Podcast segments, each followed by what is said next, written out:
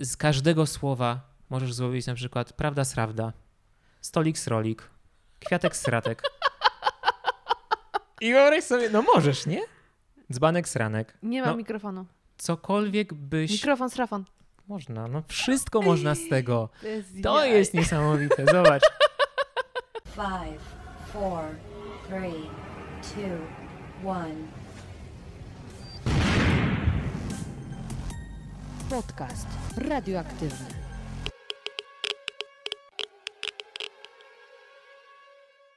Dzień dobry, dzień dobry. Ja nazywam się Małgosia Zmaczyńska. Ty słuchasz podcastu radioaktywnego, czyli luźnych rozmów na nietypowe tematy. I właśnie taka będzie dzisiejsza rozmowa, ponieważ moim gościem jest Mateusz Adamczyk, który na YouTubie na kanale o tej samej nazwie, czyli Mateusz Adamczyk, opowiada o wszystkim.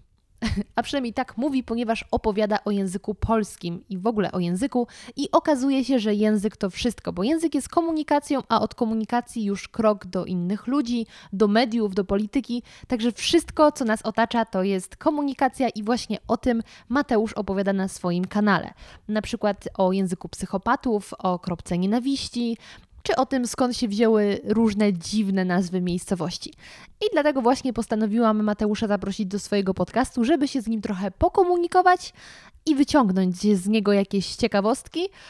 No i przyznaję, zdecydowanie mi się to udało, ponieważ nagraliśmy dwugodzinną rozmowę i gdyby nie to, że w końcu zaszło słońce, czego dowody widać na YouTubie, jeśli oglądacie wersję wideo, no to pewnie rozmawialibyśmy jeszcze o wiele, o wiele, wiele dłużej.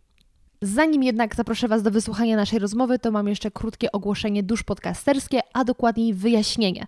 Wyjaśnienie, dlaczego znowu nie ma podcastu, kiedy ostatnio po długiej, kilkumiesięcznej przerwie mówiłam, że wracam, pojawiły się dwa odcinki i dalej cicho. Na to nałożyło się kilka czynników. Po pierwsze, wydarzenia w życiu prywatnym, a po drugie, brak czasu. Brak czasu spowodowany tym, że od paru miesięcy współpracuję z Uniwersytetem SWPS, dla którego prowadzę webinary o popkulturze, o różnych takich zjawiskach. Nie ukrywam, że często są to tematy, które i tak chciałam zrealizować w podcaście radioaktywnym, jak na przykład o historii powstania memów, skąd się wzięły memy i dlaczego ciągle je tak bardzo kochamy. I tak szczęśliwie się złożyło, że teraz mogę pod szyldem Uniwersytetu SWPS zadawać moim gościom tego typu pytania. I wszystkie te webinary są następnie publikowane w formie podcastu, także jeśli chcielibyście poszukać, to na pewno w Waszej aplikacji znajdziecie strefę kultur Uniwersytetu SWPS. Kolejnym powodem, dla którego moje zasoby czasu się nieco skurczyły, a właściwie bardzo się skurczyły, to jest podjęcie współpracy z kanałem Hikesz na YouTubie, dla którego przygotowuję krótkie reportaże o tematyce około pieniężnej, marketingu czy biznesu.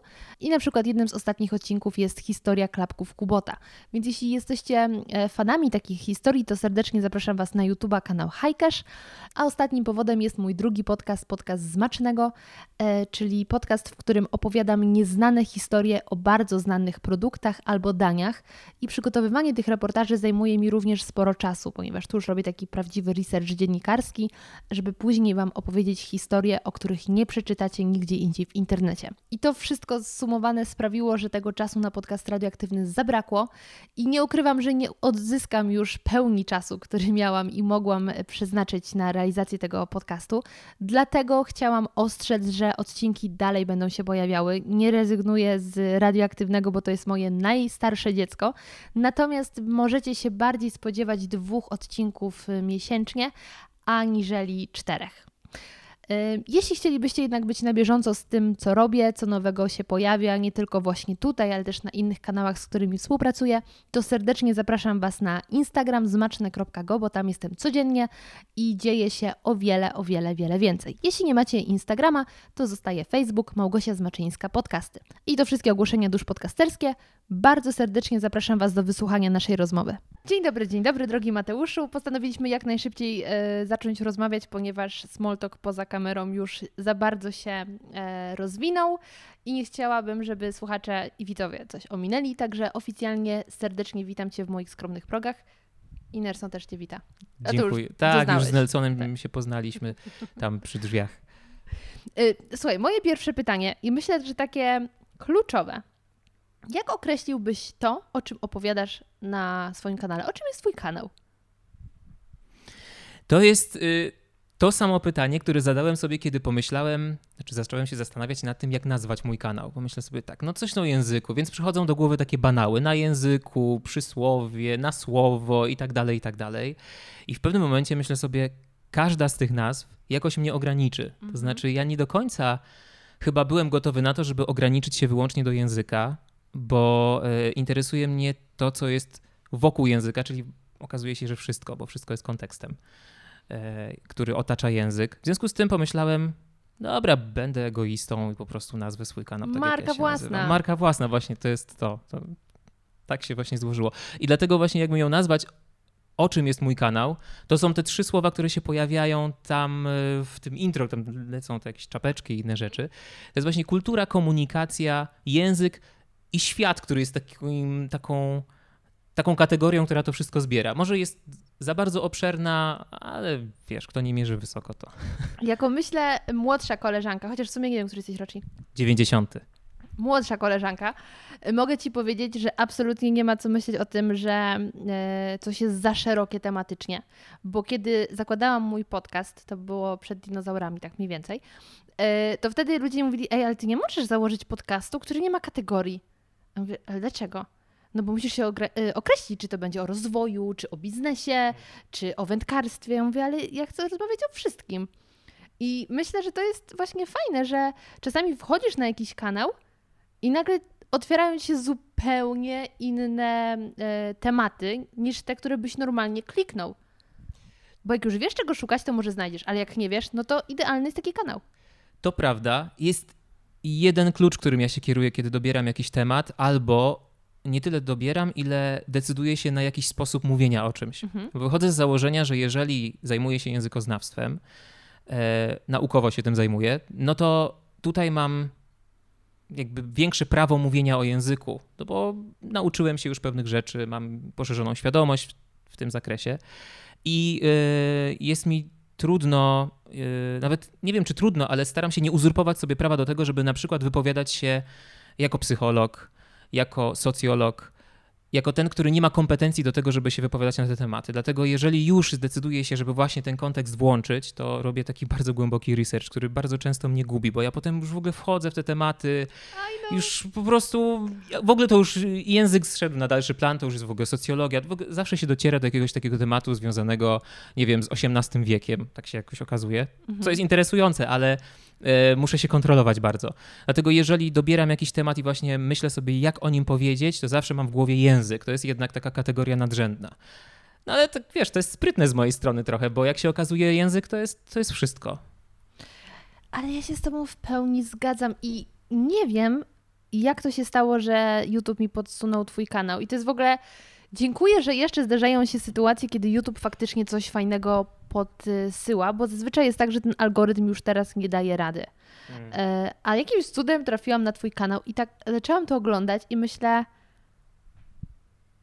to jest człowiek, który robi to samo. Nawet moja mama, jak powiedziałam o tobie, to tak stwierdziła.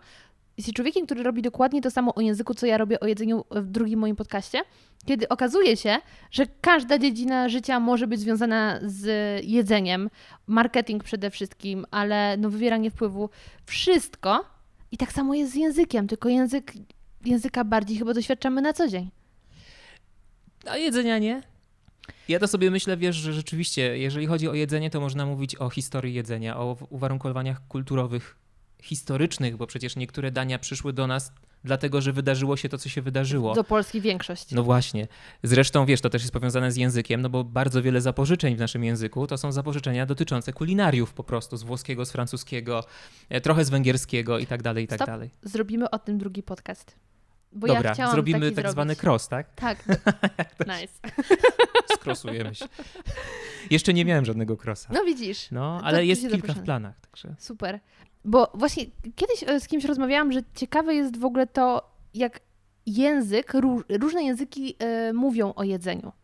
I na przykład zrobiłam odcinek mojego podcastu o e, powiedzonkach włoskich na temat jedzenia. I to jest takie, wiesz, jak tam w tych powiedzonkach widać ich podejście do jedzenia, kiedy mówi się, że nie mieć klapki na oczach, tylko prosciutto na oczach.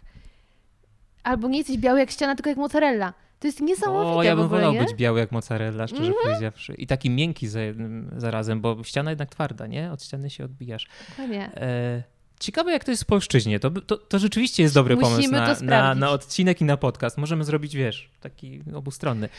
Bo Interesy, teraz nic mi nie przychodzi do głowy, to znaczy przychodzą mi pewne rzeczy do głowy, ale związane raczej z jakimś tam apetytem, z tym, co do nas mówią rodzice, ale to chyba nie jest specyficznie o jedzeniu. To jest coś dookoła jedzenia. Ja myślę, że nasze powiedzenia już to są takie chyba bardziej wskazujące, że, że ktoś jest głodny i ubogi w jedzenie, albo że to Tak. jedzenie tak strasznie trzeba doceniać. Tak, Głodnemu chleb na myśli, nasz Tak. chleb powszedni. głodny jak wilk. Tak. Co jest dosyć drapieżny. Groch no bo z wilk jest- kapustą, coś tam jest z grochem z kapustą, coś. Tak, taki gry, takie chyba, mm, jak, jak to się mówi, że coś jest jak groch z kapustą, czyli takie nijakie chyba, tak? Nie wiem. Coś jest z tym grochem z kapustą, nie wiem, bo ja, ja Nie chyba wiem. nie dałam nigdy grochu z kapustą. Ja Ale, chyba raz, no. tak, na Wigilii gdzieś tam. No widzisz. No, także to już wiemy, że to będzie drugi podcast, e, ale wróćmy do... Pies mi się tutaj rozpływa. E, Wróćmy do te- obecnego podcastu, bo troszeczkę już... Umoszczę już teraz. mogę. Tak, już zeszliśmy z tematu, y, ale wróci, zaczęliśmy od tego, że język jest wszędzie. E, I ty powiedziałeś, że mm, w tematach, gdzie nie jesteś specjalistą, psychologia, socjologia i tak dalej, to podchodzisz do tego bardzo ostrożnie. I moim zdaniem to jest dowód wielkiej dojrzałości i mądrości, że kiedy nie znasz tematu, to podchodzisz do niego z dystansem i tak niepewnie, bo ci, co wiedzą najmniej, chyba najgłośniej mówią. To miło, że tak o mnie myślisz. Masz wyższe wykształcenie. No tak, tak.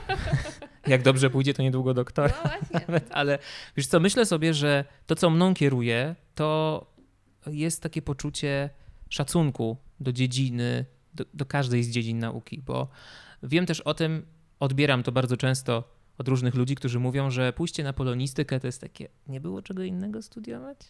Tak? Albo się nie dostałeś na aktorstwo, co jest akurat prawdą w moim Albo- przypadku, ale tak. Wiedziałam, że coś musisz mieć z tym aktorstwem. Wiedziałam. Naprawdę oglądałam dzisiaj jeden twój filmik, tak on jak nic ma coś z aktora. No, nie dostrzeżono tego na egzaminach w szkole teatralnej, to znaczy dostrzeżono połowicznie, bo dostałem się do ostatniego etapu, a potem już nie było tak, tak, tak gładko. Ale yy, wracając do tematu tych, którzy mówią, że polonistyka to nie jest najlepszy wybór. I właśnie dlaczego oni tak mówią? Dlatego, że pokutuje takie wyobrażenie, że studia polonistyczne są po pierwsze łatwe, a po drugie, po co się tym w ogóle zajmować? No i z racji tego, że jest to dla mnie krzywdzące, teraz pewnie mniej niż kiedyś, bo mniej to przeżywam, ale jednak uważam, że każda dziedzina wiedzy, nawet jeżeli nie przekładamy jej na pieniądze, tak jeden do jednego, naprawdę akurat językoznawstwo da się bardzo dobrze przełożyć na pieniądze. To też jest ciekawy temat, bo ludzie sobie nie zdają sprawy z tego, że właściwie językoznawstwo to jest badanie komunikacji, a komunikacja jest wszędzie. Komunikacja jest w wielkich korporacjach, komunikacja jest w mniejszych firmach, komunikacja jest w tym, jak się komunikuje nawet med- te wszystkie komunikaty w metrze, one są Tak. konsultowane z językoznawcami. No słuchaj, ja studiowałam psychologię w biznesie i to jest to samo. Psychologię masz wszędzie, a w ogóle biznes, marketing, wywieranie wpływu, a wywieranie wpływu przecież totalnie łączy się z językiem.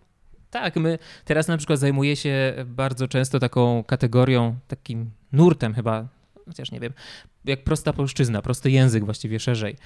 E, To jest taki sposób na komunikowanie się z klientem, z petentem, bo były takie badania prowadzone, w których udowodniono, że 30% ludzi, którzy otrzymują jakieś pismo z Urzędu Skarbowego, a to pismo mówi o tym, że Urząd Skarbowy, co jest oczywiście rzadkie, ma zwrócić komuś pieniądze, nadal myśli, że to oni są winni Urzędowi Skarbowemu.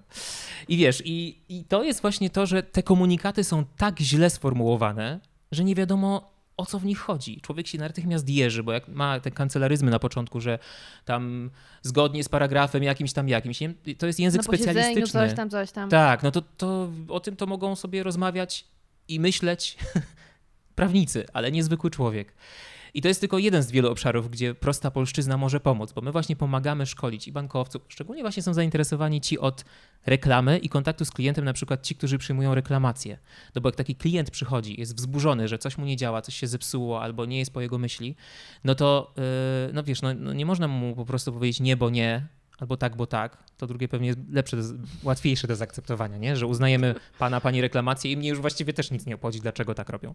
Ale y, dlaczego nie? No i teraz tutaj cała ta, ten komunikat powinien być na tyle prosty, ale asertywny, e, ale też tak skonstruowany, że ten ktoś poczuje się e, Zaopiekowany. tak, chociaż to słowo ja go używam, ono jest niepoprawne, nawet kiedyś ktoś mi wypomniał. Co ty mówisz? Jest błędnym y, słowem? Tak, bo tak nie tworzymy strony biernej, dlatego że to jest od czasownika opiekować się i tutaj Mhm. ginie to się. W związku z tym zaopiekowany nie powinno być tak tworzone. Ktoś mi kiedyś powiedział, że to jest Mhm. naleciałość systemowa z języka niemieckiego, ale ja nie znam niemieckiego na tyle, żeby to potwierdzić. W każdym razie Okej. usłyszę to u wielu osób i teraz zbaczam trochę z tematu. Wrócimy, ale- ja będę pamiętała wątek. Dobra, musisz mnie non sterować, bo jak ja zaczynam mówić o języku, to jest, wiesz, Spokojnie, dogadamy rejs. się, już ci mówiłam to w mailach. Tak, to prawda, mówiłaś.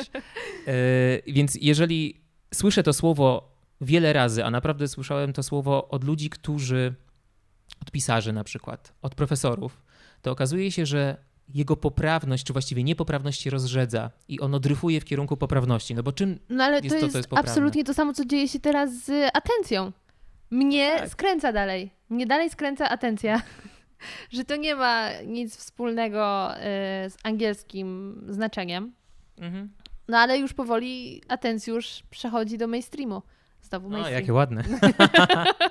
Ale jeszcze tylko a propos takich słów, które są niepoprawne, ale bardzo lubię je używać. Ym, I sama chyba je tak sobie stworzyłam na własny użytek. Ym, poczekaj, bo teraz nie wiem, czy to jest właśnie to niepoprawne, czy to drugie, bo teraz. Ym, czekaj. Bardzo mi uprzejmie. Bardzo mi uprzejmie. To nie jest poprawne. Bo ktoś może być uprzejmy, ale No mnie tak. nie może być uprzejmie, mnie może być miło. No tak, z, z, racji tego, że ktoś jest dla mnie uprzejmy, może być mi miło. No, Ale wiesz, no to ale lubię takie mówić powiedzonka. bardzo mi uprzejmie. Chociaż zaznaczam zawsze, że wiem, że to jest forma błędna. Tak, ale to wtedy nie jest błąd. Bo czym jest błąd? Błąd jest nieświadomym odstępstwem od normy językowej.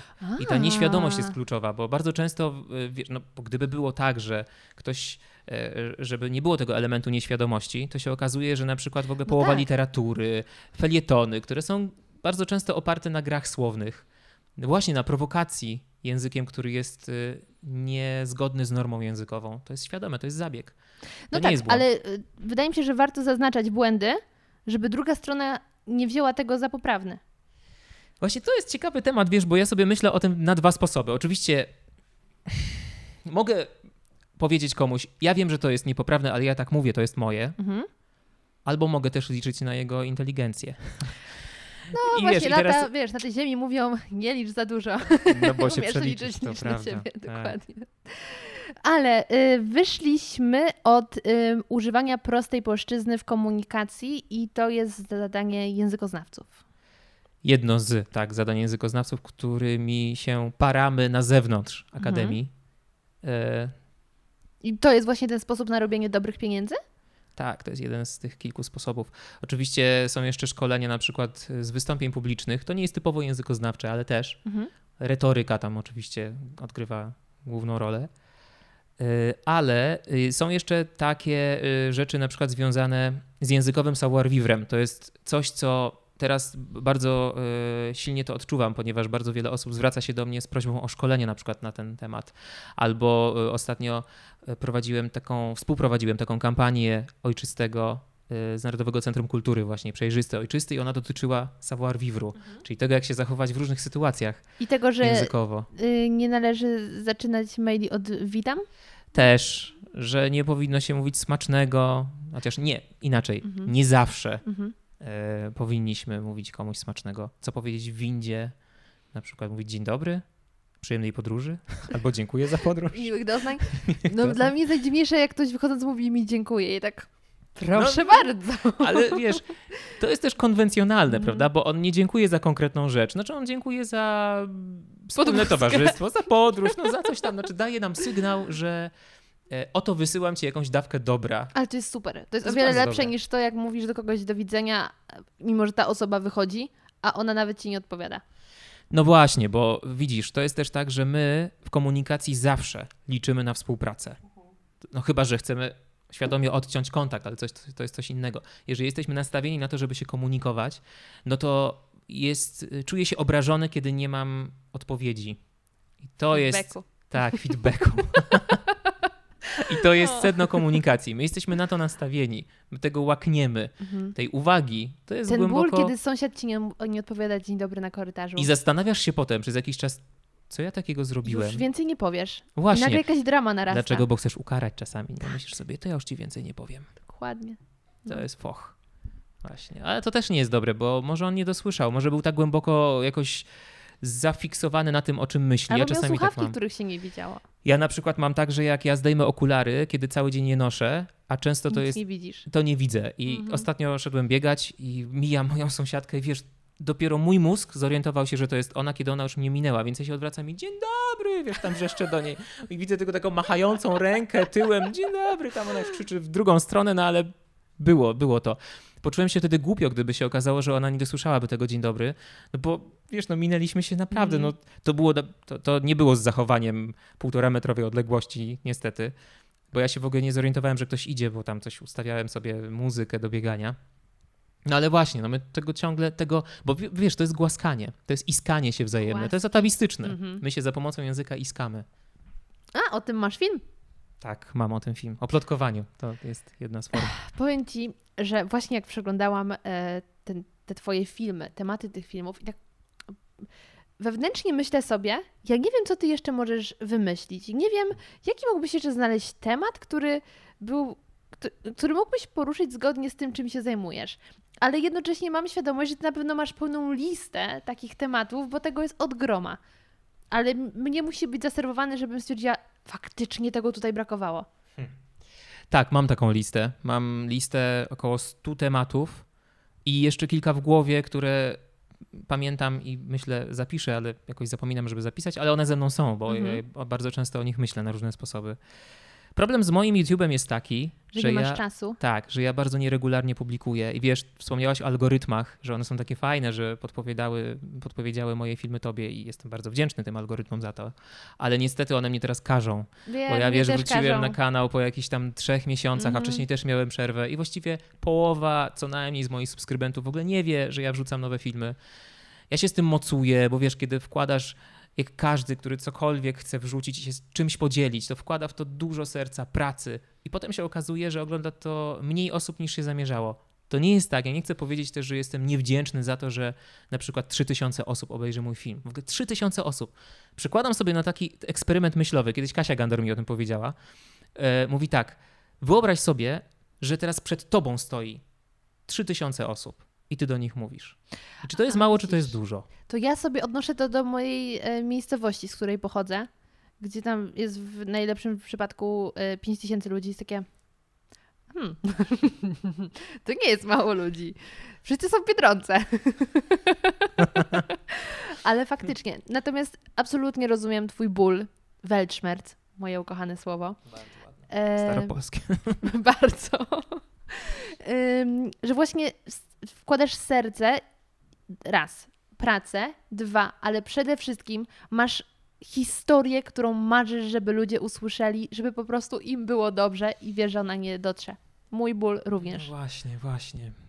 I tak teraz montuję kolejny odcinek. Właśnie miał się ukazać dzisiaj, ale ze względu na to, że w ogóle to jest jakieś zaskoczenie dla mnie, bo ja postanowiłem, że sobie trochę poluzuję, pofolguję Mhm. i będę mówił tyle, aż poczuję, że się nie wygadałem. To jest bardzo niebezpieczne w moim przypadku. Ale czekaj, y, tutaj czy na, w Twoim filmie? Na tym filmie, który teraz montuję, A. bo ja zawsze się ograniczam, mam taki, że tak trzy strony scenariusza, to jest tak optymalnie. To znaczy Mhm. wtedy już wiem, że nie za bardzo popłynę i wiesz, pomyślałem sobie, dobra, ale to jest taki film, to jest, ci powiem od razu o co chodzi, żeby, żebyś miała kontekst, o wróżkach, o języku wróżek. Wiem, że miałaś taką, e, taką tutaj Natalią, wróżkę, tak. tak, Natalię, która o- opowiadała o czym innym. Ja będę mówił o języku wróżek i jakich technik one się chwytają, żeby uwiarygodnić to, o czym mówią. One robią to bardzo często intuicyjnie, ale y, jest tego bardzo. To jest. To to podzielić, nazwać, pokazać, mechanizmy i tak dalej. One idą oczywiście w parze z mechanizmami Nie no, psychologicznymi, ale wiesz. Mm, nice. I teraz robię taką rzecz, że biorę jedną, jedną wróżbę wróżki, bo to można znaleźć oczywiście na YouTubie, i analizuję. Wiesz, to jest film na zasadzie stop klatka, Reakcja. mówię. Tak. Reakcje jedzie się dalej. dobrze sprzedają na YouTubie. Tak? Nie wiem, ja to lubię oglądać czasami, bo właśnie to jest takie. Mm, no to nie jest żywe reagowanie. Umówmy się, ja się przygotowałem do, do analizy tego materiału, bo przecież tak z chmury tego nie wezmę.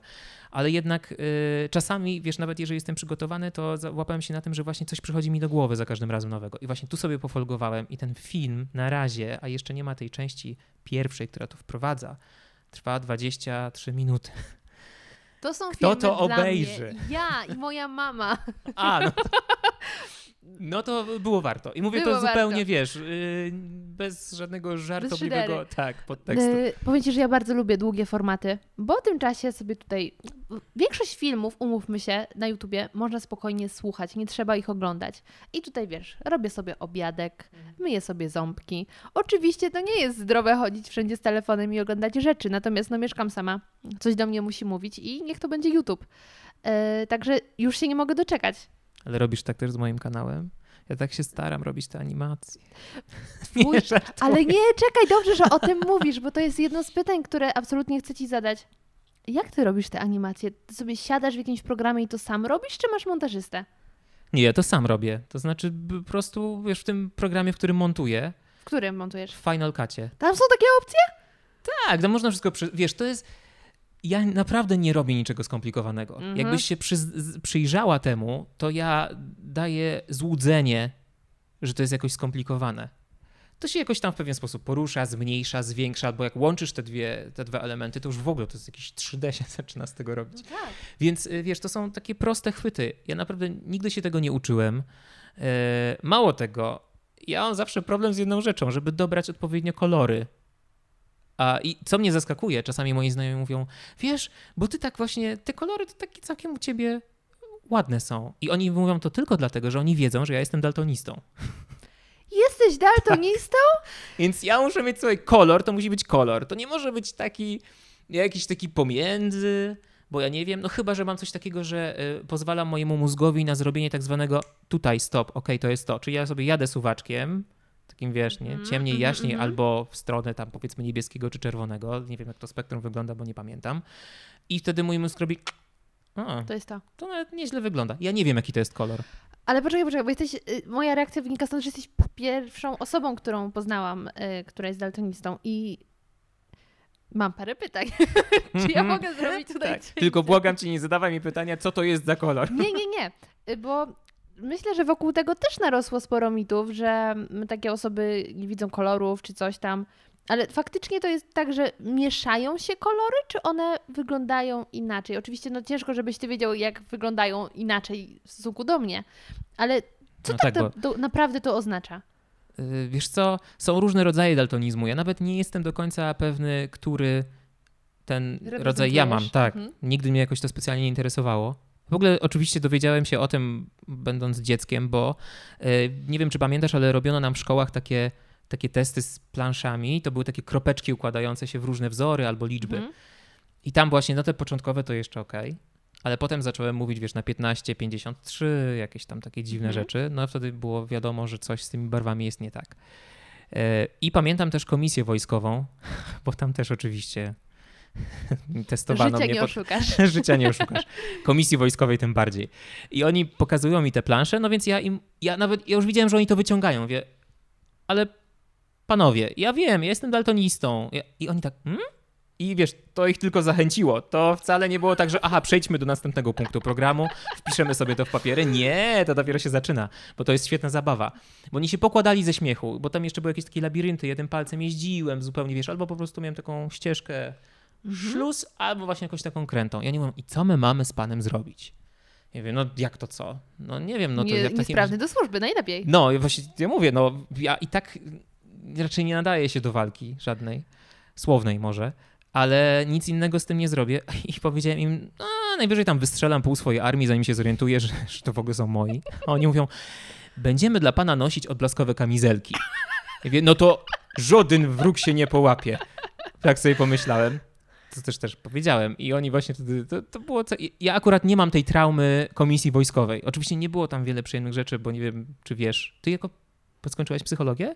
Ale to w biznesie, to nie jest A, prawda okej, psychologia. bo wiem, że dziewczęta, które kończą e, psychologię, to chyba muszą sta- stawić Tak. się na komisji wojskowej. Nie wiem, czy robią jest. im to samo, co nam, czyli trzeba się rozebrać No właśnie słyszałam, to jest serio? Ja to jeszcze miałem, chyba jestem tego w tym pokoleniu, że się trzeba było rozebrać do naga, niestety. O co w tym chodzi? W sensie, Na szczęście za parawanikiem, ale było to, Ale- no nie, nie jest to przyjemne. Why? Ja nie wiem, co oni chcą tym sprawdzić. Płeć? jest- Nie wiem. To jest, Coś tam jeszcze- To są błędy systemu jakieś. Jakieś w ogóle głupoty typu, znaczy ja nie wiem, bo ja nie jestem lekarzem, więc nie wiem, czy to ma jakikolwiek związek z tym.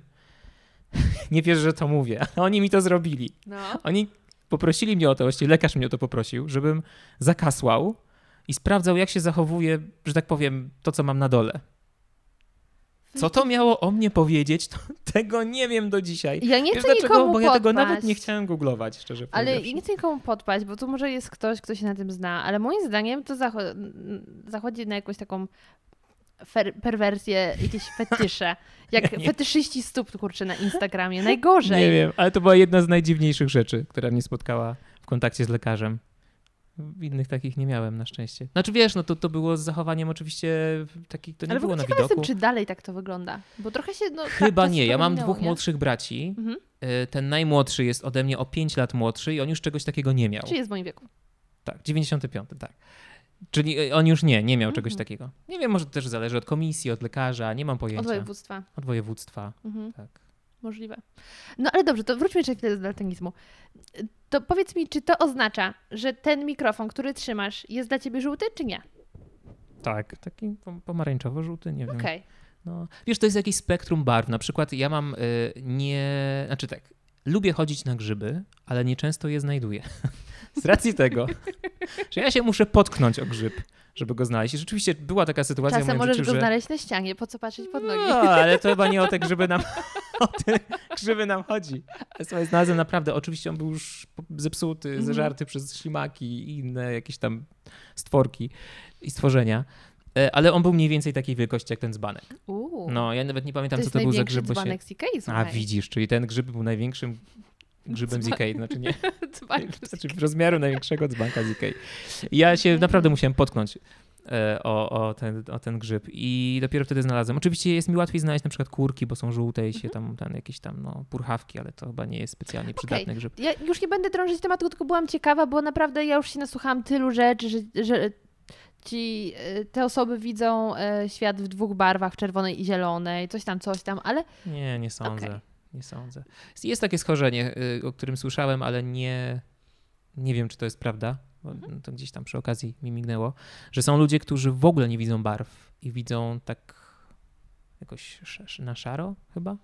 Ale nie wiem, to nie jest nic potwierdzonego. To by pewnie ktoś, kto się na tym zna albo się Mhm. interesuje, musiał się tu wypowiedzieć, bo ja nie wiem, naprawdę.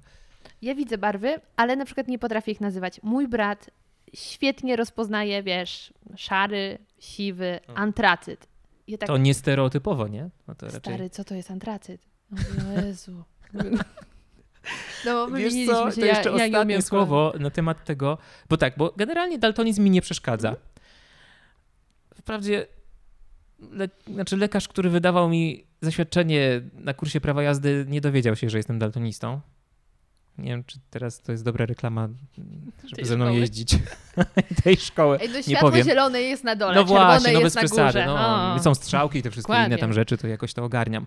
Ale pamiętam, że najgorszą rzeczą to były lekcje geografii i sprawdziane z mapy, bo wiesz, to było tak, że się dostawało atlas, Mhm. czy tam nosiło do szkoły, a druga to była taka czarno-biała, odbita, skserowana mapka, Na bez której i tak niczego. nic nie było widać, nawet jeśli wszystko I trzeba widzisz. było przenieść coś tam z tej mapy kolorowej na tę mapę czarno-białą. I teraz Mhm. tak, nawet jak ja już znalazłem tę jedną rzecz, o którą chodziło z listy, to ja sobie spojrzałem raz i chciałem przenieść i spojrzałem drugi raz i ja już tego nie widziałem. Mhm. I to było, ja zawsze miałem dwój albo pałę z tego.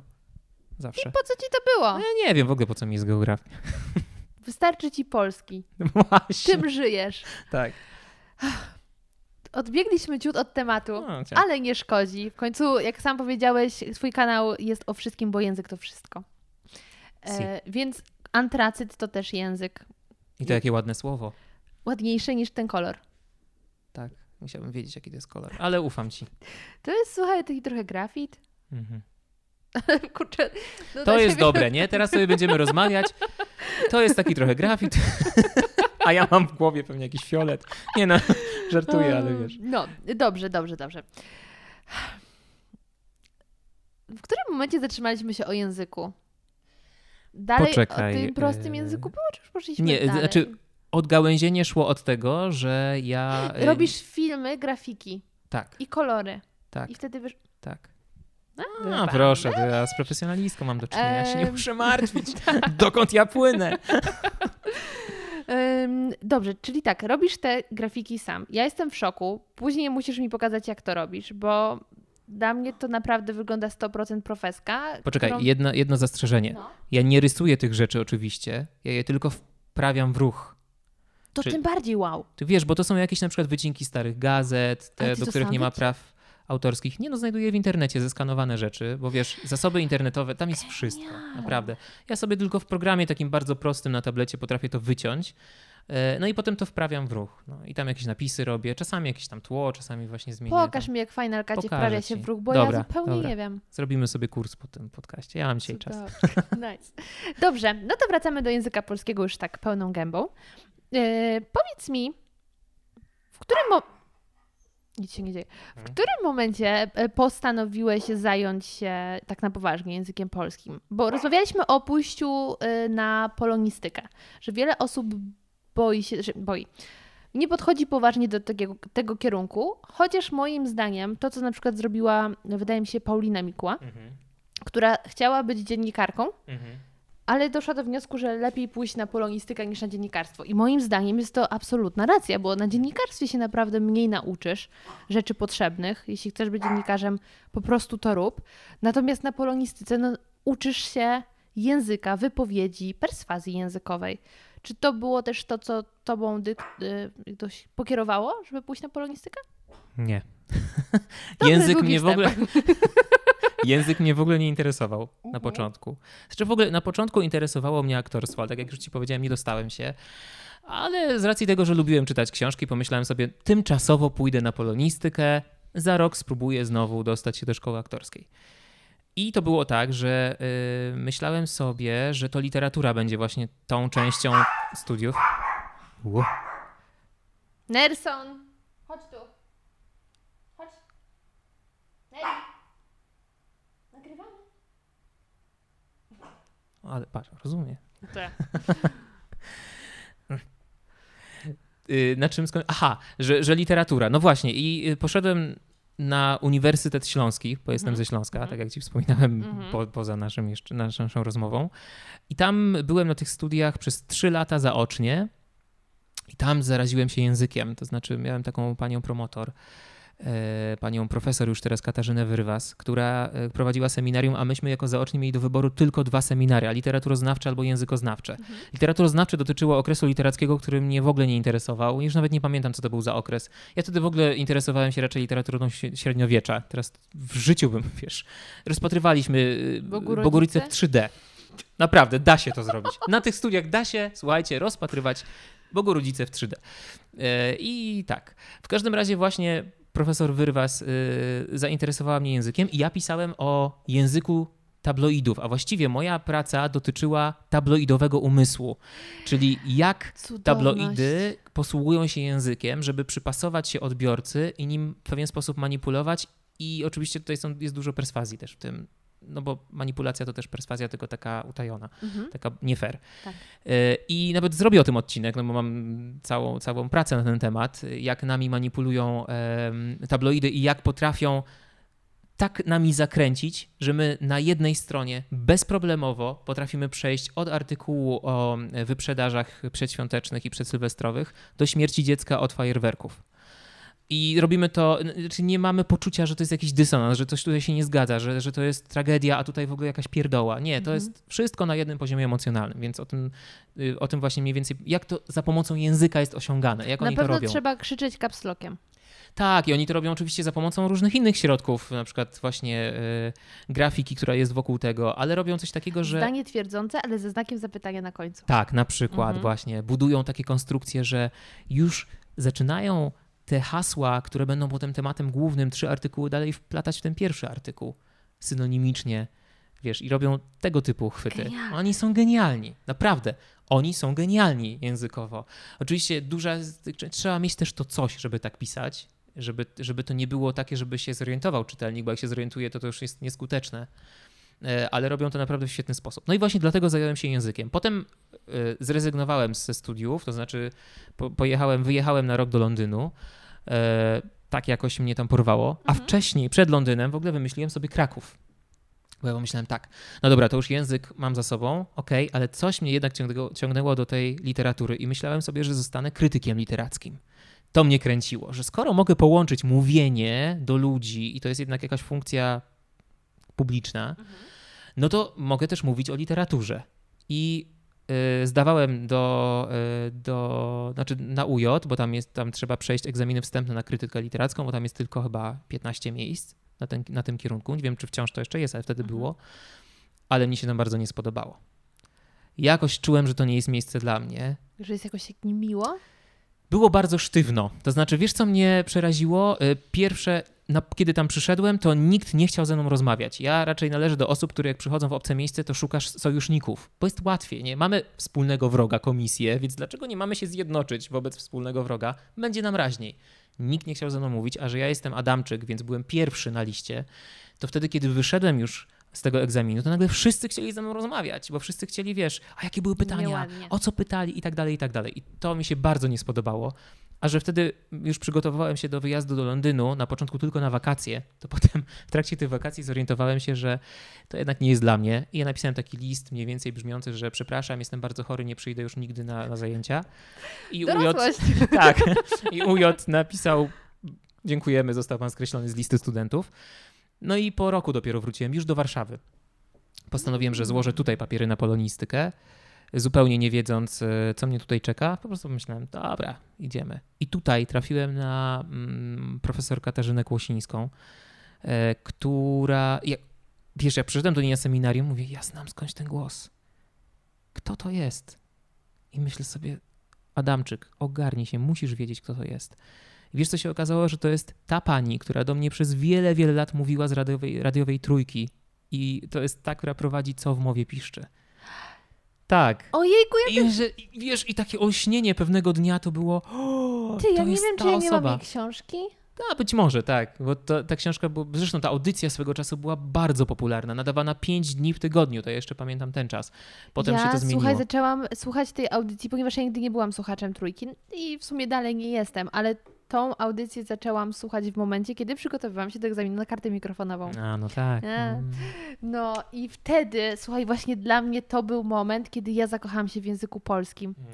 Ja nienawidziłam polskiego, nie wiem dlaczego funkcjonuje a propos języka powiedzenie jak psa. Nie. W ogóle psy się mają źle w języku. Bardzo. No, niestety.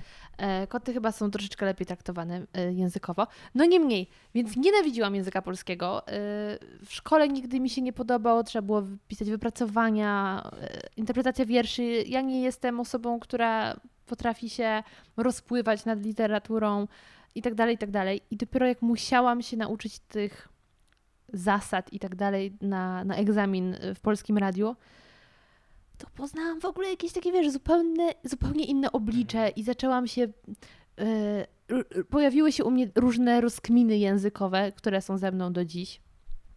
I to też była zasługa tej pani. No tak, bo to jest jedna z tych osób, które naprawdę popularyzuje język i wiedzę o języku właściwie, chociaż język też, sposób jaki mówi, yy, który dociera i do mnie dotarł i pamiętam, że byłem przeszczęśliwy, że trafiłem na to seminarium. Zresztą profesor Kłosińska do dzisiaj jest moją opiekunką naukową, bo u niej właśnie piszę mhm. doktorat. Mhm. Organizujemy wspólnie też y, taką wielką ogólnopolską konferencję. Teraz przez wiele lat pani profesor była sekretarzem Rady Języka Polskiego, teraz jest jej y, przewodniczącą, więc ja, wiesz, mam, jestem blisko tego wszystkiego, co się tam dzieje. Czyli jesteś blisko że tak powiem dość kolokwialnie, ekipy, która tak. oficjalnie uznała słowo murzyn za obraźliwe.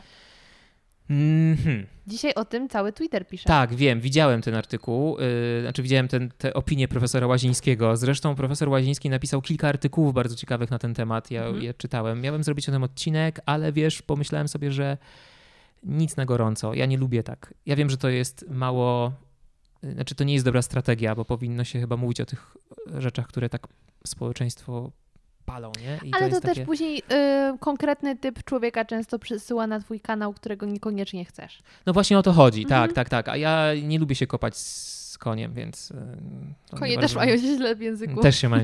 Jest nawet słownik konizmów, dwutomowy.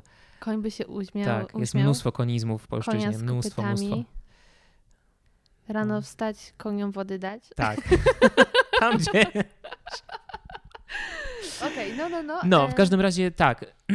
Y, Ja bym nie odczytywał tego komunikatu, to znaczy tej, tej opinii Rady Języka jako jednoznacznego potępienia tego słowa. Tylko to jest taki komunikat, który mówi po pierwsze, język się zmienia. To słowo dawniej nie było obraźliwe. Historycznie używane nie jest obraźliwe.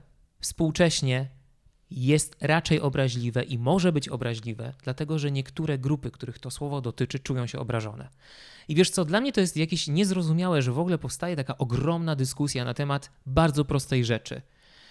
To jest zwykła ludzka uprzejmość, jakaś empatia. Jeżeli ja ciebie zapytam, tak jak Absolutnie. ja ciebie pytam, jak masz na imię i ty mi mówisz tak a tak, ty Mhm. możesz nie podać mi swojego prawdziwego imienia. Ale co więcej, Ale wiesz, słuchaj, jak chcesz, żebym się do ciebie zwracał? ale Ty dokładnie. mówisz tak. Ja okej. osobiście nienawidzę wersji Gośka i nie przepadam za Gosią. No. I ja mówię, jestem Gocha. Ale mimo tego ludzie do mnie mówią Gosia, bo dla nich jest za trudne, żeby zapamiętać, że chcę Gocha albo Małgosia jest za długie. I dla mnie to jest właściwie to samo. Co ci zależy, jeśli się do mnie zwracasz, to zwracaj się tak, jak dla mnie jest fajnie. Tak, no tak a, jak tego a chcę, jeśli to no. jeszcze byłaby kwestia obraźliwości, jakichś uczuć głębszych, no bo to jest Mhm. kwestia podoba mi się, nie podoba. A tutaj chodzi o uczucia, więc ja naprawdę nie rozumiem, tak samo jak ty, gdzie jest problem. Tak, bo, bo rzeczywiście uprościłem trochę sprawę, bo Mhm. jedna kwestia imienia nie jest tym samym, co kwestia sprowadzenia człowieka do koloru jego skóry. No bo na to zwraca uwagę to określenie, prawda? Zresztą, tak jak, jak to napisał profesor Łaziński, nie ma z reguły potrzeby, żeby mówić o, o człowieku, o drugim człowieku, używając, znaczy posługując się kategorią koloru skóry. Bo po co? Bo po co? Po co to zmienia? No tak. Znaczy wiesz, no jeżeli rozmawiamy o, o kolorach skóry, jakie mają ludzie, to jasne, ale no jeżeli myślę sobie, wiesz, no ten i chcę nazwać, to oczywiście, wiesz, ja rozumiem, że ten mechanizm działa, bo to jest u nas pierwotne, to jest coś, co zwraca naszą uwagę. No bo to dla nas nie jest powszechne spotykanie takich osób. Ale, y, no to, ale po coś mamy ten rozum? Po coś, po coś jesteśmy empatyczni? Po coś możemy y, pomyśleć o tej drugiej osobie i na coś zwrócić uwagę, skoro ten temat bardzo dobrze, że on jest w przestrzeni publicznej, bo właśnie dzięki temu możemy się dowiedzieć, że te osoby nie chcą być tak nazywane. Absolutnie. I mamy to uszanować. Przynajmniej moim zdaniem powinniśmy. Tak samo jak się teraz cała ta dyskusja przetacza, czy y, Margot to jest Margot, prawda? Przecież nie, bo jak to tak jest, że teraz sobie chłop wymyśli, że będzie nazywany jak baba. I w ogóle, przepraszam, na, naprawdę można pominąć całe zagadnienie płci w tym przypadku. Jeżeli chce być tak nazywana, to niech będzie. Jeżeli chce i sama się posługuje zaimkami, w ogóle formami żeńskimi, no to dla mnie jako drugiego człowieka, który chyba chce po prostu uszanować tę osobę, to tak mówię. Ale to człowiek jest człowiek, nie? No tak, no. To jest tak krótka dyskusja. Człowiek jest człowiekiem. I każda, już wiesz, dla mnie to, że psy zasługują na dokładnie tyle samo szacunku, co ludzie, to, to już jest powiedzmy może wyższy jakiś level. Oczywiście psy jako przedstawiciele całej grupy zwierząt. Ale żeby mieć problem, że człowiek jeden jest lepszy od drugiego, To jest. W ogóle wiesz co, tak naprawdę, kiedy mówimy y, o tym problemie zwracania się do kogoś i właśnie zaczynamy mówić o płci, Mhm. na przykład o płci, to sprowadzamy cały wymiar człowieka do jednej jego cechy. tak, To jest dla mnie coś, y, co mnie wkurza. Bardzo. Bardzo mi się podoba, że w angielskim nie ma z tym problemu. Znaczy- Jest, jest mniejszy, może nie, że nie Mhm. ma, jest mniejszy, Mhm. bo nawet jeśli em, jest już osoba, która określa siebie jako they, Mhm. no to nawet później masz już po prostu liczbę mnogą, nie z podziałem na one lub oni. Mhm. To prawda, tak. Bardzo wszystko jest wygodne. Tak, to znaczy wiesz, to nie chodzi o to, że właśnie, bo to jest też argument, który mnie bardzo denerwuje, że język na coś nam pozwala, bo na coś nam nie pozwala. To tak nie jest. Język nam pozwala tak właściwie na wszystko. To znaczy on ma pewne ograniczenia, powiedzmy, systemowe związane z gramatyką, ale to nie jest tak, że język się po pewnym czasie do tego nie przystosuje. On, on idzie z nami. Oczywiście on jest nieco spowolniony, bo on przechowuje pewne konstrukcje, musimy to dłużej nad tym popracować, ale to wszystko zależy od nas. I w ogóle czasami yy, nie lubię takiego chwytu, chyba retorycznego, a właściwie to jest jakiś manipulacyjny też chwyt, że ludzie zaczynają mówić o języku jako bycie odrębnym, który ma nad nami jakąś taką naprawdę mocną władzę i to jest jednocześnie zrzucanie odpowiedzialności z siebie. A to jest po prostu chamskie. I to mnie denerwuje. No tak, bo nawet jak mówisz w swoich filmach o pochodzeniu, powiedzmy, y, plotek, mhm. no to to też pokazuje pochodzenie języka. Oczywiście. No. Byliśmy y, istotami stadnymi, które potrzebowały w jakiś sposób się zakomunikować i to było wyłącznie forma użytkowa języka, a my teraz nagle jakąś ideologiczną do języka e, przypisujemy zamiast użytkową. No tak, znaczy wiesz, no oczywiście nie można wszystkiego tak rozpatrywać wyłącznie użytkowo, no bo my jesteśmy ludźmi i lubimy naddawać sensy. To jest w nas piękne też, że właśnie to jest to, to, to interpretacja, o której wspomniałaś w kontekście utworów literackich, ale my interpretujemy. Jest kilka naprawdę świetnych książek na temat tego. E, jest taki badacz e, no nazwisko ma Brożek, ale imienia nie pamiętam, chyba Bartosz, jeżeli nie przekręciłem, napisał taką książkę Granice interpretacji. I to nie chodzi o interpretację literacką, tylko o to, jak tak naprawdę działa nasz umysł w obrębie języka i tego, jak dużo interpretujemy i naddajemy sensów, jak się w tym gubimy, odnajdujemy, szukamy i tak dalej. Świetna książka, polecam wszystkim, naprawdę.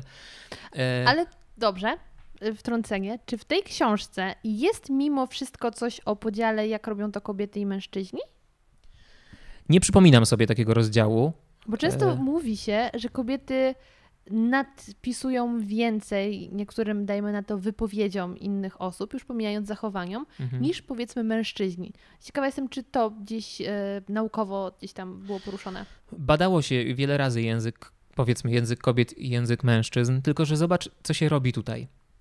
Mówimy o kobiecie i o mężczyźnie jako o swego rodzaju stereotypach, a właściwie prototypowych kategoriach. Oczywiście. No, Ale to jest na spektrum, uproszczone. prawda? No mhm. to jest tak, że jeżeli mielibyśmy powiedzieć, e, tak jak płeć zresztą, prawda? Kobieta to jest taka osoba, która ma taki genotyp, ma takie narządy zewnętrzne płciowe, trzeciorzędowe cechy płciowe, do tego jest e, jego, jej psychika, jej tożsamość płciowa zgadza się z płcią biologiczną i jej role płciowe zgadzają się z tym wszystkim, co tam było, mhm. czyli to jest wielopiętrowe, to to jest prototyp kobiety. I teraz mhm Wątpię, że spotkamy w społeczeństwie taką kobietę, która będzie odpowiadała wszystkim tym cechom. Oj, na pewno nie, bo w ogóle to tak jakby spotkać człowieka idealnego. No nie ma opcji. No właśnie. Ale tutaj bardziej mnie zastanawia kwestia, y, że no, jeśli chodzi o komunikację, no to ona w pewnym stopniu wynika z ewolucji, a z drugiej strony strony i chyba jeszcze mocniej z uwarunkowań społecznych.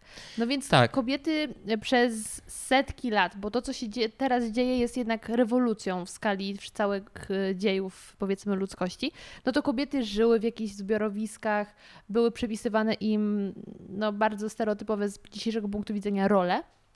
Więc ta komunikacja też myślę przebiegała inaczej i też interpretacja tego, co otrzymywały, bo one powiedzmy żyły sobie w swoich środowiskach, a to mężczyźni mogli iść zwiedzać świat, a tak. kobiety siedziały w domu. Dlatego y, y, z tego punktu y, tylko pytam. Ona też.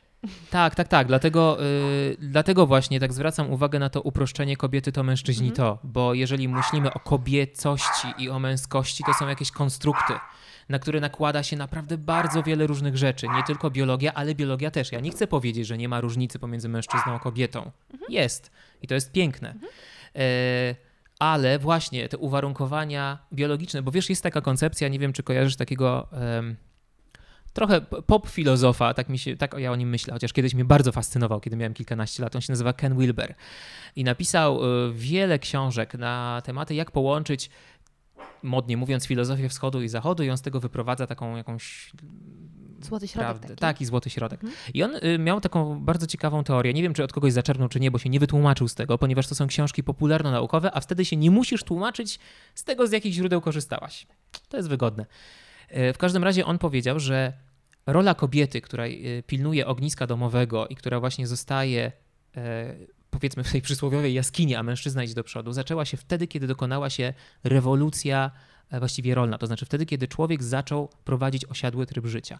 Bo wtedy, kiedy, i to jest ciekawe, ludzie koczowali, to była zachowana równowaga pomiędzy ilością jedzenia przynoszoną przez kobietę i mężczyznę. Mężczyzna szedł polować, bo jest inaczej uwarunkowany fizycznie, więc jest silniejszy Mhm. fizycznie, a kobieta zajmowała się zbieractwem. Ale z racji tego, że się że zmieniali położenie, no to kobieta mogła cały czas zbierać i musiała czekać na ten płodozmian, prawda? Na te nadchodzące pory roku i tak dalej. I było wszystko w porządku. Kiedy człowiek zaczął prowadzić osiadły tryb życia, to mężczyzna dalej wychodził na polowania, ale kobieta zaczęła, w ogóle i mężczyźni też, zaczęli uprawiać rolę. I co się okazało? Że to jest praca bardzo ciężka i kobiety zaczęły ronić częściej. Taka jest koncepcja tego Wilbera. A że zaczęły ronić, a przecież potomstwo jest najwyższym dobrem, szczególnie właśnie w takich społecznościach, pierwotnych, no bo to jest rozmnażanie się, to kobiety zostały odsunięte od roli i przynosiły mniej jedzenia do jaskini. To jest jego koncepcja. Ale słuchaj, w ogóle w tym już są zawarte tej historii e, dwa zagadnienia językowe, które właśnie rozwaliły im mózg. Po pierwsze rola. Tak, rola taka do uprawy i rola taka, którą się odgrywa, tak? O No, w kontekście tak, jeszcze tutaj podziału, a dwa ronić, bo faktycznie mo- można też ronić łzy. Można. Ja to tak mam, wiesz, średnio 20 razy dziennie. No ja średnio może 10 razy w tygodniu, nie? No, pamiętam, że po gramatyce historycznej była taka, że ja widziałem, wiesz, po prostu miałem taki filtr na oczach, że patrzę na słowo polskie i widzę jego postać, powiedzmy, z XIII wieku, nie? Albo z XVI. To było okropne, nie polecam nikomu. W każdym razie właśnie, zobacz, i to jednak wtedy, gdybyśmy poszli tym tropem, którym poszedł Wilber, to by się okazało, że to jednak biologia zdecydowała o tym, że kobiety potem zostały wrzucone w rolę kobiet, czyli odgrywały właśnie pewną rolę społeczną. Tak to jego zdanie wygląda. Nie Patrz, wiemy, jak to było było. śmiesznie, jakby to mężczyźni wtedy zostali wrzuceni w tą rolę. Prawda? Jakby to odwrócić. Boże, teraz będę o tym No. codziennie myśleć i się zastanawiać, ale by to wyglądało śmiesznie. Bo to jest właśnie ten eksperyment myślowy, który zawsze sobie obiecuję, że będę przeprowadzał. Mhm. Ale wiesz, jak to jest. No jednak nasz mózg jest wygodny. W związku z tym Oczywiście. y, najlepiej by było, gdybyśmy codziennie przeprowadzali sobie taki eksperyment. Odwróćmy to wszystko. Negujesz to, Sprawdźmy, znasz. to jest, co jest po drugiej stronie. Wspaniałe. Ostatnio słuchałem w radiu wywiadu z chłopakiem, bo on jest chyba w twoim wieku, yy, który zajmuje się dyskutowaniem jako dyscypliną sportu i w ogóle mam nadzieję, że kiedyś uda mi się z nim nagrać odcinek, bo to jest świetna rzecz. I on powiedział, że najlepszym ćwiczeniem dla niego umysłowym jest zabicie własnego dziecka. On to bardzo brzydko określił, to znaczy trau- tak... yy, Masz moją pełną uwagę. no, no myślę, że on też tym to osiągnął, że ja Mhm. zwróciłem na to uwagę. Zabicie własnego dziecka polega na tym, że ty sam sobie, czy ty sama sobie stawiasz kontrargumenty. Że sama siebie chcesz przekonać do zupełnie przeciwnego stanowiska. Ale poczekaj, poczekaj, poczekaj. Zabicie dziecka w sensie zabijasz swoje wewnętrzne dziecko? Czy masz Nie, sobie nie. wyobrazić, że zabijasz swoje dziecko i masz to wybronić przed sobą? Nie, to dziecko to są te argumenty, z którymi ty się zgadzasz. To jest ta teza, z którą ty się zgadzasz. Okej, Bo wiesz, jak Mój to jest. poszedł daleko. No, trochę ta, ta interpretacja, zobacz, widzisz, ale to jest fajne, że właśnie tutaj musimy się dogadać, nie? Jakoś znaleźć tę podstawę porozumienia. On mówi o czymś takim. Jeżeli ja jestem do czegoś przekonany, uznaję to za swoje i teraz zbieram wokół tego jakieś argumenty, to ja się opiekuję tym jak dzieckiem Tak. i, i walczę o I to pielęgnujesz. O! Jeżeli ktoś Mhm. właśnie jeszcze wywoła to, że ja powiem o tym i teraz pokazuję ci, zobacz, to jest to moje dziecko, a ty mówisz, Brzydkie. co? To nie jest dziecko nawet. I pokazujesz swoje. To jest dziecko. To w tobie się budzi instynkt mm, walcz, prawda? No ale teraz, jak sobie przeprowadzisz sama ze sobą ten ekspery- eksperyment, to jesteś na wygranej pozycji, bo ty jest y, duże prawdopodobieństwo, że już znasz połowę argumentów, które użyje ta druga strona. I przeciągniesz ją na swoją stronę, bo zaczynasz mówić jej językiem. Wiesz, co jest najskuteczniejszą formą prowadzenia jakiejkolwiek dyskusji? Zacznij mówić takim językiem, jakim mówi twój oponent. Bo on będzie po twojej Tak. stronie paradoksalnie. Słuchaj, y, mam jedno takie zwycięstwo na swoim koncie. Jestem z niego strasznie dumna i wtedy uświadomiłam sobie, że ludzie faktycznie myślą obrazkami i potrzebne są przykłady, takie namacalne. Y, Historia dotyczyła tego, że em, chłopak interesował się, nawet chyba dziś uczestniczył w, szkole, w szkołach podrywu. Mhm.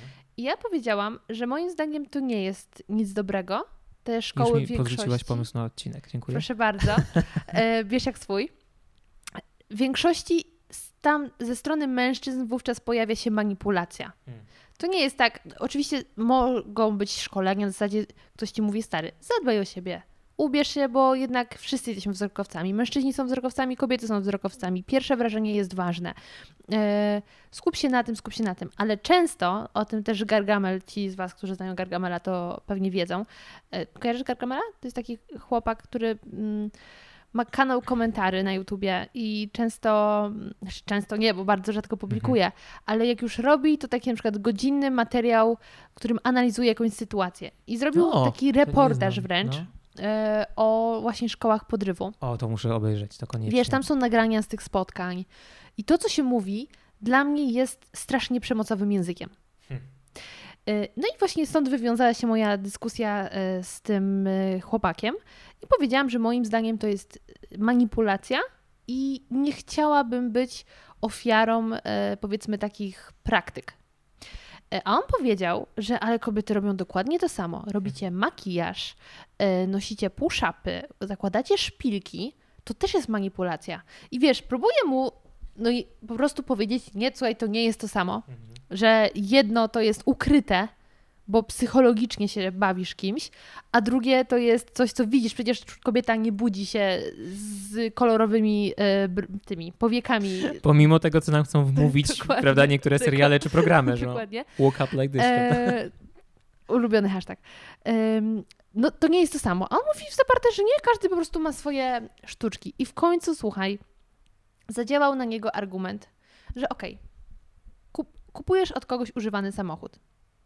Podchodzisz i patrzysz, że y, kolor drzwi, odcień drzwi jest trochę inny niż pozostałych. Mhm.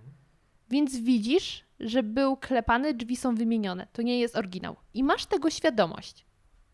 Więc możesz się na to zgodzić, lub nie, czy chcesz mieć e, szturchnięty samochód, czy nie. Natomiast jeśli masz przekręcony licznik, to ty nie masz tego świadomości, że ktoś manipulował od środka. I on powiedział: Wygrałaś. A, proszę. To był pierwszy raz, kiedy... A bo ty jesteś naprawdę... blacharą, nie? Tak jak siebie nazywasz. Dlatego ja ten argument, no. to już wiem. E... Ale coś w tym jest, rzeczywiście. Tak Jedno masz myślę. namacalne, widzisz, że coś mm -hmm. nie gra. Widziały gały, Drugiego co brały, nie wiesz. Prawda? No właśnie. Tak. Yy... Wyszliśmy od tych dyskusji. Wiem, wiem, ale próbuję sobie właśnie teraz uzmysłowić to, no, znaczy jakoś tak przyszło mi do głowy bardzo wiele myśli i próbuję sobie z nimi poradzić. Czasami to nie jest Masz łatwe. chwilę, poczekamy. Mam Włączymy chwilę. teraz muzyczkę z windy.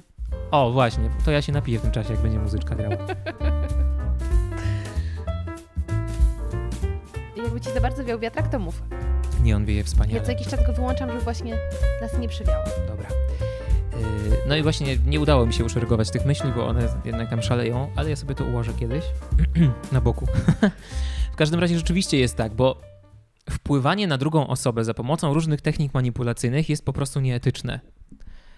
Manipulacja jest nieetyczna. Co innego perswazja, dlatego że perswazja zakłada to, że ty wiesz, że ja chcę cię przekonać i ja stosuję pewnego rodzaju argumentację. Ona do ciebie trafia albo nie trafia. Trudno jest oczywiście stosować czystą perswazję bez manipulacji. Mhm. Bo wiesz, bo my naprawdę bardzo chcemy przekonać tę drugą osobę, więc sięgamy Ale często do różnych technik. perswazją jest na przykład mówienie językiem korzyści. Oczywiście, tak. I tu ktoś wie, że myśli teraz o samych superlatywach danego rozwiązania i nie myśli o negatywach, więc to jest perswazja. Mhm. Ale granica jest, wiadomo, cienka. No jest właśnie i czasami jak sobie słucham różnych reklam, bo one się właśnie lubują w tym, żeby nam wmawiać pewne rzeczy, ale właśnie wmawiać to jest chyba za mocne słowo, bo wmawianie kojarzy mi się z jakąś taką siłą, mhm. z jakimś takim naciskiem, a one robią to w taki sposób, że my nawet się nie orientujemy, że jesteśmy zmanipulowani. Ja pamiętam taką jedną reklamę, bardzo często o tej reklamie rozmawiam z moimi studentami. To była reklama radiowa, dlatego że ja nie mam telewizji, więc może była w telewizji, ale o tym nie wiem. W każdym razie była taka oto. Jest z nami pani Kasia z Akademii Menopauzy. I teraz pani Kasia mówi o menopauzie. Tam o jakichś tam oczywiście tabletkach na tę menopauzę. I wiesz, ja sobie myślę tak, no dobra, to teraz pomyślmy w ten sposób. Jest pani Kasia z Akademii Menopauzy. Jeżeli pani Kasia pracuje na akademii, to jest jakąś profesjonalistką, a to jest, wiesz, oni nie mogą używać, nie, czy nie mogą wykorzystywać wizerunków chyba lekarzy i specjalistów do reklam suplementów diety, bo reklam leków nie ma, bo to jest zakazane. Yy, Więc to ale to jest... chyba od niedawna. Tak, od niedawna, ale tak, ta reklama też tak, nie była jakoś tak. bardzo dawno. Mhm. I teraz pani Kasia z Akademii Menopauzy. Czyli mamy tak, pani Kasia jest prawdopodobnie specjalistką, skoro pracuje na Akademii. Dwa, menopauza jest dziedziną wiedzy, ponieważ ma swoją akademię. Trzy, jest to jednak pani Kasia, bo jest nam bliska. To nie jest pani Katarzyna z nazwiskiem, tylko zwykła pani Kasia. I teraz zobacz, co oni z nami zrobili. I teraz to dotyczy naprawdę wielu osób. No bo skoro to jest akademia, ja nie umniejszam całego zjawiska menopauzy. Broń Boże, to nie o to chodzi. Oczywiście. Chodzi o to, że no, jeżeli podnosimy menopauzę do rangi akademii, to mamy Akademię Medyczną, Akademię Menopauzy, Uniwersytet Warszawski i jeszcze powiedzmy Oxford. Rozumiesz? To może się wydawać nam na początku śmieszne, ale śmieszne się wydaje wtedy, kiedy zdajemy sobie z tego sprawę. Bo to było tylko jedno zdanie na początku tej reklamy, bo potem pani Kasia oczywiście już i nas tam zagadała, ale to gdzieś tam w nas siedzi podprogowo. Jeżeli ta reklama jest odtwarzana co godzinę powiedzmy i człowiek tego słucha i słucha i słucha, to to, to jest coś, co nam w, pewne rzeczy y, podprogowo wprowadza. Dla mnie taką manipulacją yy, na pewno ma moje uznanie, bo ja bardzo lubię siedzieć w temacie reklam, więc dobre reklamy albo dobre sztuczki potrafię docenić, choć nie zmienia to faktu, że są chamskie. Yy, to było, to, to jest właściwie Toyota. Toyota, która yy, produkuje samochody hybrydowe. Chyba nawet jako jedyna. Więc oni też szukają, wydaje mi się, teraz y, sojuszników, żeby utrzymać hybrydę, bo jest teraz tak dużo elektryków, że hy- hybrydy nie są popularne. Ale oni mają za swojego eksperta mm, Ziętarskiego pana. I pan Ziętarski, wydaje mi się, że w spotach radiowych również, ale przede wszystkim w telewizji, on w tych reklamach siedzi w mm, takim studiu telewizyjnym. Tutaj oczywiście jakieś paski ci Mhm. lecą, że Toyota numerem jeden, coś tam, coś tam. I pan Ziętarski zaprasza gościa, z którym rozmawia o niesamowitych silnikach Toyoty. I wiesz, e, z jednej strony ja sobie myślę, no kto się na to weźmie, się złapie, że to jest reklama, że, że Tak. złapał, żeby to nie jest reklama, no bo jest bezpośrednio lokowanie Toyoty. A Chociaż czasami rozmowy są bardziej o tym, dlaczego hybrydy są super. Ale masz otoczkę studia, czyli siedzi ekspert, jest, są y, te belki, więc w Mhm. sumie Tak, tak. informacje. Tak, oni, oni czasami robią z nami co chcą. Mm. Chociaż tak jak mówisz, to jest sztuka. Mnie najbardziej podobają się reklamy, w których mamy do czynienia z jakąś grą słowną. To jest ładne. To mi się bardzo Albo podoba. y, hasła reklamowe, które przeszły do użytku. Tak. Które Mm. stały się jakimiś skrzydlatymi słowami i do dzisiaj, prawda? I pamiętam, nie wiem, pamiętasz świstaka, który zawijał je w te A sreberka? świstak siedzi i zabija Tak. tak. Oczywiście. To, to trwało i trwało i trwało. Ale to Teraz już dalej. rzadziej, tak? Oczywiście, Jeszcze jeśli jest? jesteś z tego pokolenia, to dalej sobie Mhm. możesz pożartować. Ja czasem używam tego określenia. No gorzej, jeśli mój gość, g- Mhm, rozmówca jest mhm. za młody. Ale coś niewyraźnie dziś wyglądasz. A, Weź no oczywiście, tak, tak. Ale wiesz, wiele haseł reklamowych jest wymyślanych przez językoznawców też. Profesor Bralczyk jest autorem wielu takich haseł. Teraz y, wiem, że y, akurat hasło Coca-Coli to jest to wymyśliła Osiecka, Agnieszka Osiecka, Ale, ale widzisz, a tego, ja o tym słyszałam, ale tego hasła w ogóle nie kojarzę. bo to było, ja nie wiem, to Coca-Cola chyba dopiero wchodziła do, do Mhm. Polski. A to, co wymyślił profesor Bralczyk, teraz sobie nie przypomnę, ale mam gdzieś w którymś z wywiadów on o tym mówił właśnie, że, że wymyślał kilka takich, takich haseł. No, bo to wiesz, to dobra zmiana zresztą też jest, z tego co wiem, wymyślona przez językoznawcę. To ale hasło. z dobrą zmianą jest tak, że podsiadło ma w dobrą stronę. I to już jest blisko i niektórzy myślę dobrą zmianę poza tym, że weszła do użyt- użytku i nawet dzisiaj już kuluarach Mhm. e, o tym rozmawialiśmy, to jednak ta dobra zmiana mi się też z dobrą stroną kojarzy i wtedy już podsiadło. Być może tak jest, ale wiesz, to jest też inny sprytny zabieg językowy. Bo jeżeli to jest dobra zmiana, to każda inna była zła. I każda inna w przyszłości będzie, Będzie zła. zła. To jest dobra zmiana. Język polityków to jest. To jest temat na inny podcast, a właściwie nie odcinek, tylko całą serię. Zgadzam się. To byśmy musieli codziennie się spotykać i codziennie komentować wypowiedzi polityków. Na Oni bieżąco. to robią tak, tak. Oni są też przeszkoleni niektórzy. Tak, i powiem ci, że mnie najbardziej przeraża właśnie to, że w ludziach jest taki brak świadomości. Moim zdaniem e, podstawy psychologii z zaznaczeniem manipulacji, wywierania wpływu powinny być wykładane w szkołach. Oczywiście nikomu to nie jest na Mhm. rękę, bo później no, No, jasne. To znaczy, ja też zgadzam się z Tobą, że to, co powinno być w szkołach, to też taka. To się nazywa krytyczną analizą dyskursu. Ja bym tak oczywiście przedmiotu szkolnego nie nazwał, bo kto by chciał na to chodzić. krytyka. Wszyscy Ale chętnie prostu- idą na krytykę. Tak, no, no weźmy sobie dowolne teksty i porozmawiajmy o nich, o tekstach reklam, o tekstach, yy, nie wiem, o, o polityce właśnie, o czymkolwiek z czym, albo o piosenkach, nawet jeżeli to mają być młodzi ludzie. Sprawdźmy to. Wiesz, co jest problemem? Jesteśmy zalewani codziennie przez setki tysięcy informacji. Że, chciałem powiedzieć miliony, pewnie by się uzbierało. Dziennie jest chyba 10 tysięcy reklam, na które trafiamy. Właśnie. I my nie jesteśmy w stanie przepracować tych wszystkich treści, więc część odrzucamy, część pada na podatny grunt tego, do czego jesteśmy przyzwyczajeni, a to jest dla nas o tyle niebezpieczne, że nasz mózg to lubi. On lubi to, co, z czym się zgadza. Więc to przyjmuje i, nie, i często w ogóle już o tym nie, nie, nie, nie, nie myśli o tym krytycznie. Tak. I, I wtedy w tym natłoku informacji, w tym szumie jest nam naprawdę trudno. Jesteśmy tym tak zmęczeni, że jest nam trudno pomyśleć, ale czekaj, czekaj. Coś tu się nie Coś tu zgadza. się nie zgadza. Mhm. Ktoś tutaj mną kręci. To jest czasami nie do wykonania. I ja się wcale nie dziwię nam, bo każdy z nas to ma w pewnym zakresie. Na coś innego, jak mamy takie fiksacje jakie językowe, ktoś psychologiczne, to zwraca na to uwagę, nie? Ale ludzie się tym czasami nie zajmują i mają do tego święte prawo. Albo nawet nigdy o tym nie myśleli, że można by. Pewnie tak. Bo właśnie jak już poznasz jakąś dziedzinę, to nagle jest takie oczywiste, a zanim tego nie poznałeś, to nawet o tym nie myślałeś. Ja ci w ogóle kiedyś miałam mm, taki pomysł, żeby na YouTubie oglądać i komentować reklamy. E, więc jakbyś chciał.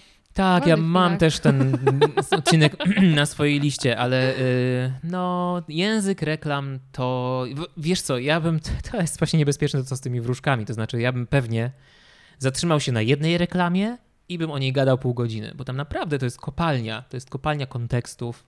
To jest kopalnia właśnie połączeń wyrazów, to jest kopalnia tego całego, E, tego ale w wszystkiego, ogóle co się wszystkich elementów, które się Tak, pojawiają. graficznych, dźwiękowych, Rzeczy, które leżą na stole. Tak, Sposób, w jaki e, Tak. ktoś wchodzi do domu. jak jest ubrany, Wszystko. jak jest umalowany, nieumalowany, jeżeli mm, wiesz, kto pierwszy wchodzi, kto się czym zajmuje w tle.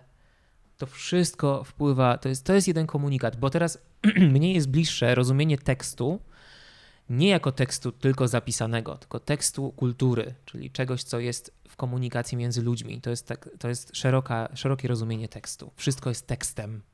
Tak mówili niektórzy I filozofowie kontekstem. i kontekstem. Tekstem może być ułożenie Twojego mieszkania dla mnie. Ja też coś mogę odczytać z tego. Czyli tekstem byłoby wszystko to, z czego ja coś potrafię Czy odczytać. odczytać jest poprawnym słowem? Bo tam, a Tak. to rozczytać jest niepoprawne, tak? Nie, no doktorzy rozczytują sobie rolę. Czemu? No na przykład rozczytać pismo niewyraźne. Nie potrafię rozczytać pisma. Nie, nie, nie, nigdy nie trafiłem na to, że to jest błąd, Tak? ale trzeba było Wydaje mi się, że kiedyś słyszałam, że to jest Tak? błąd rozczytać. Nie wiem, no ja mówiliśmy o tym też w kuluarach. Ja y, nie zajmuję się aż tak błędologią stosowaną, jak ją nazywam. Znaczy, zajmuję się tym na uniwersytecie, bo prowadzę zajęcia z kultury języka polskiego. I tam właśnie ze studentami rozmawiamy i oni muszą być uświadamiani na temat tego, co błędem jest, a co nie jest. Mhm. Chociaż raczej moje zajęcia i też zajęcia innych wykładowców, ale idzie to w tę stronę, że oni uczymy ich korzystać ze źródeł, uczymy ich myśleć o tym, czy to na pewno jest błąd, w jakiej sytuacji komunikacyjnej to jest błąd, bo to jest dla mnie właśnie coś, czego ja nie lubię e, w takich bardzo prostych pytaniach i odpowiedziach, czy to jest błąd, czy to nie jest błąd. Zależy. Zależy. Zależy w którym tekście. To jest trudne. Mówienie o błędach jest trudne. Tak o tym myślę. A jakoś niespecjalnie mnie to interesuje, właśnie może dlatego, że bardzo dużo o tym mówię na uniwersytecie. Nie chciałem o tym zakładać kanału, bo już taki jest. Paulina się tym zajmuje, więc po co będziemy sobie wchodzić w drogę. Mhm.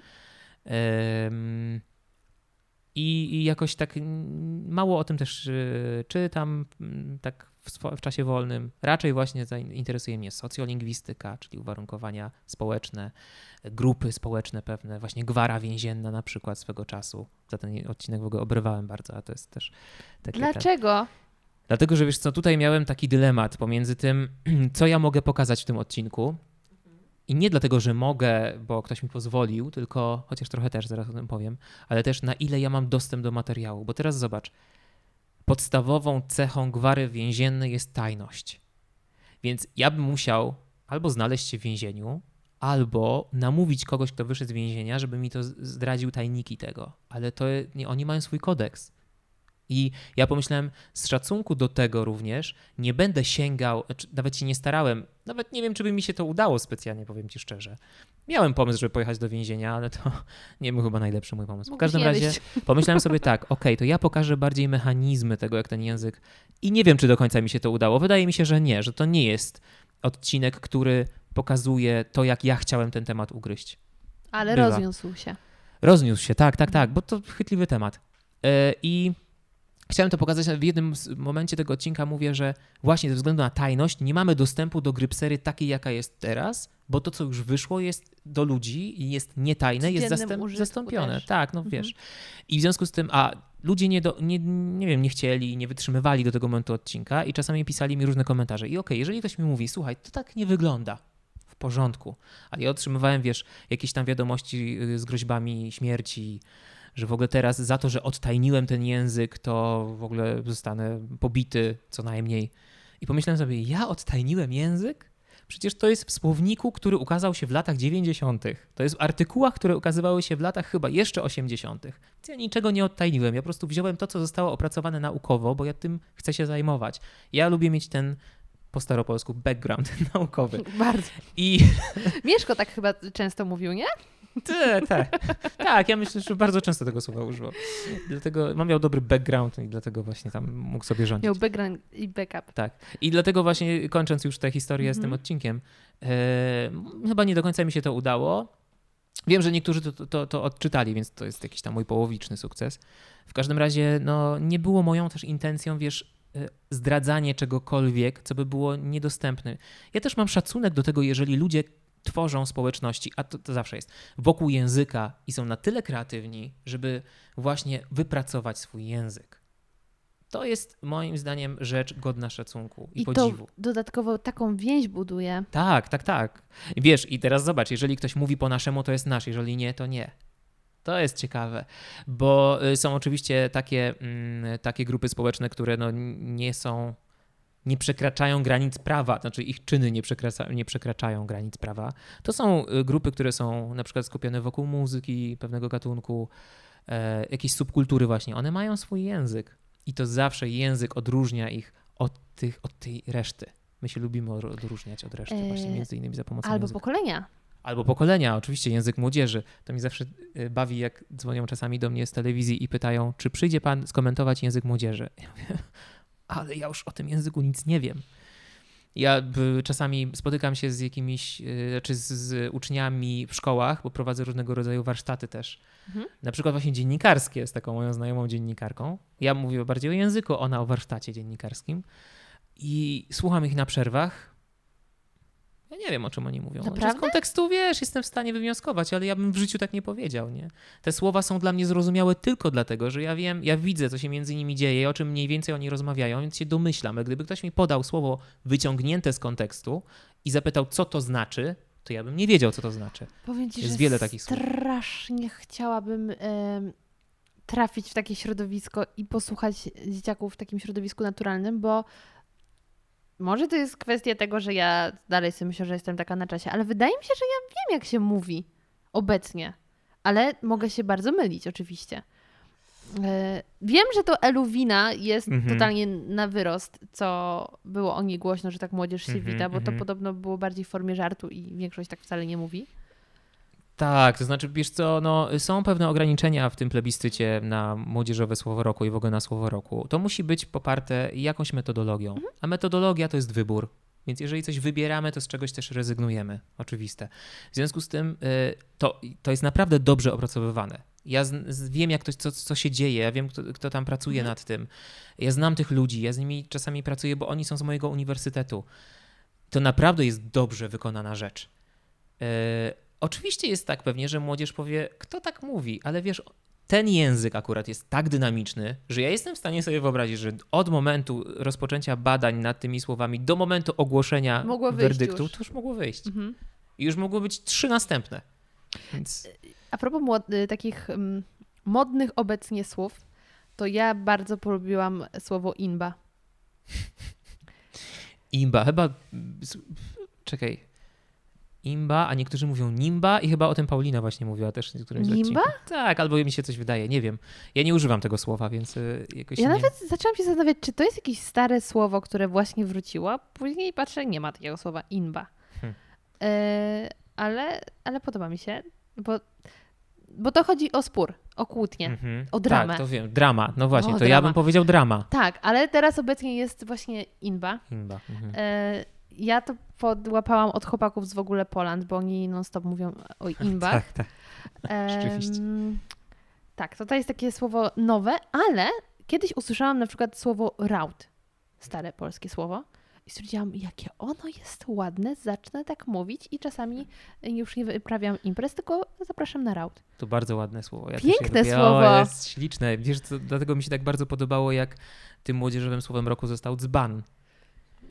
I to z różnych względów. Po Mhm. pierwsze, dlatego, że y, zostało wykorzystane słowo, które już jest w języku w sposób naprawdę kreatywny. A, I brzmienie tego słowa, dzban, w ogóle ono brzmi i już samym tym brzmieniem nazywa. To jest tak ładne i to mi się bardzo podobało.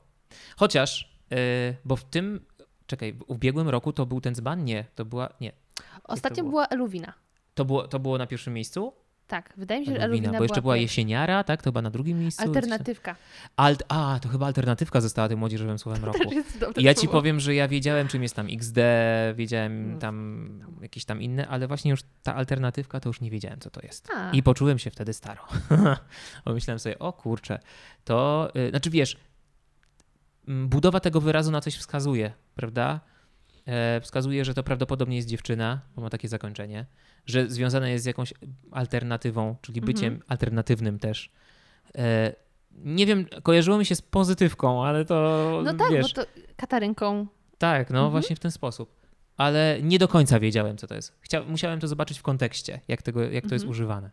To wtedy dopiero. Język jest niesamowity. Ale ponieważ powiedziałeś, że y, ty uczysz kultury języka polskiego, Tak, między innymi. Mhm. to jak byś ocenił em, kondycję naszego społeczeństwa na podstawie języka?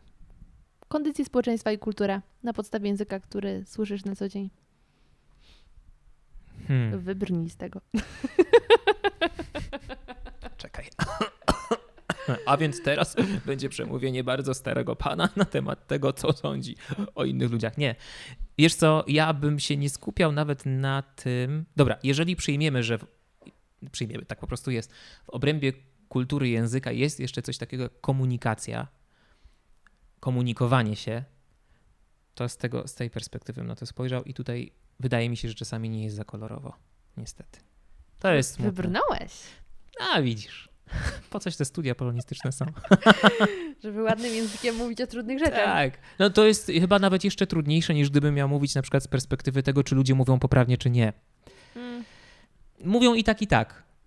Yy, oczywiście jest też tak, że jeżeli słyszę osobę, która mówi bardzo poprawnie i jeszcze czuję, że za tym stoi świadomość, bo może stać wychowanie, super, świadomość, jeszcze lepiej.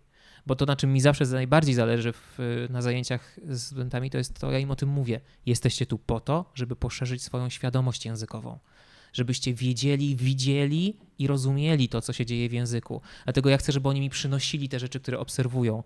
Oni w ogóle zaczynają się łapać na tym, że wcześniej nie obserwowali, dopiero potem przynoszą. I to jest świetne. Ja wolę zrezygnować z jakichś tam ćwiczeń, czasami gramatycznych. Oczywiście staram się to narobić, bo jednak, wiesz, oni kończą ten przedmiot egzaminem, który jest dla wszystkich studentów na roku taki sam. Mhm. Też nie mogę ich tak opuścić i powiedzieć, słuchajcie, do egzaminu się przygotowujecie sami, a ja, yy, ja Powiem robię wam swoje. fajne rzeczy. Mógłbym to robić, gdyby było tak, że wszyscy byliby na jednym poziomie, mieli takie samo podejście do języka, a nie mają, bo niektórzy są ze względu na literaturę na tych studiach i, i dlatego tego nie mogę Mhm. zrobić. Więc ta świadomość. I teraz, y, no, to na tym by mi zależało, ale z tą, za tą świadomością właśnie idzie też sposób komunikowania się. I myślę sobie, że tutaj jest duży problem. Że wiesz co, ja jednak jestem optymistą i myślę sobie, że tam bardzo głęboko, tak na takim podstawowym poziomie, nam wszystkim chodzi o to samo, Wiedziałam, że tylko. A widzisz. Jestem przewidywalny. No trudno. Nie, po prostu y, genialne umysły myślą tak samo. A, no dobra. To, to jest sposób ubrania czegoś w słowa. No więc o to samo nam chodzi, Mhm. tylko mówimy o tym na różne sposoby. I to jest pocieszające. Wiesz dlaczego? Dlatego, że jeżeli mam otwartą postawę i ja jestem otwarty na drugiego człowieka i ja chcę się nauczyć jego języka, czyli jego sposobu mówienia o pewnych sprawach, to ja jestem w stanie to zrobić. Bo jeżeli, jeżeli my się nie zgodzimy co do tych podstaw, to my się nie dogadamy. Tak, ja y, w ramach mojej, moich studiów miałam y, specjalizację medio, y, boże nie medioznawstwo, tylko mediację. Mhm. E, I właśnie jak mieliśmy koło konfliktów, no to każdy konflikt rozwiążesz poza konfliktem wartości. Tak. Tak, tak, tak. Tu nie ma, nie ma nad tak. czym pracować tak naprawdę. No. A ja wierzę w to, że my mamy mm, podobne wartości. Jesteś naprawdę optymistą. Tak. Ja to widzę, wiesz. Kiedyś były przeprowadzone takie badania właśnie nad. Y, to profesor Pisarek, wielki językoznawca. Po prostu y, ogromny autorytet dla mnie w szczególności. Znaczy, nie, nie wiem czy w szczególności, ale dla wielu, wielu, wielu pokoleń językoznawców. Mhm. Badał słowa sztandarowe, czyli właśnie takie słowa, które odnoszą się też do, do wielu wartości. Bóg, honor, ojczyzna? Czy to są słowa sztandarowe? Mogą być, tak. Ale nie tylko. Wolność, prawda? A, y, piękne I, słowo. Tak. I nam chodzi jednak w gruncie rzeczy o to samo. Ja pamiętam taką przykrą dyskusję. Zostałem zaproszony do panelu mm -hmm. dyskusyjnego. Nie powiem, kto to organizował, bo po co. W każdym razie chodzi o to, że y, to była jednak, roboczo mówiąc, ta lewa strona sceny politycznej i nie tylko politycznej, tylko takiej społecznej. Mhm. I pamiętam, że jak my mamy się dogadać, skoro ta druga strona mówi zupełnie innym językiem i my mhm. mówimy zupełnie innym językiem. No jeżeli tak postawimy sobie to pytanie, to się nie dogadamy. Ale jeśli tak postawimy sobie yy, pytanie, tak naprawdę nie ma problemu, to zmieńmy tylko język. Cała no reszta tak. gra, nie? Tak, tylko że wiesz... Yy, jak, bo, bo, bo to pytanie jeszcze, jeżeli to jest na poziomie wyłącznie języka jako takiej powierzchniowej warstwy, czyli mówienia o czymś, to ok, ale to było tak pytanie sformułowane, bo ja to powtórzyłem bardzo w skrótowej mhm. formie, e, że mm, to jest dla nas jak język obcy, taki, który sięga zupełnie innych postaw, ma mhm. korzenie mhm. zupełnie gdzie indziej. Bo, bo tak właśnie jest często postrzegany język. Język jest, zobacz, utożsamiany bardzo często z wartościami, bo język sam sobie jest wartością. I to udowodniły badania, między innymi te, które właśnie ja miałem zaszczyt przeprowadzać w, w zespole profesor Kłosiński. Wiesz, język jest wartością, ale to milczenie jest złotem. tak, mhm. ja wiem, tak. E, no ale y, ta debata i co? No i właśnie y, nie udało mi się przekonać chyba tej prowadzącej debatę, że, że mówimy, że ona mnie pyta o coś innego a ja chcę jej odpowiedzieć na coś innego, bo ona potem powtórzyła to pytanie. Tam zapytała jeszcze inne osoby i wróciła do mnie i mówi, no dobrze, i zadała je inaczej, ale chodziło o to samo. Hmm.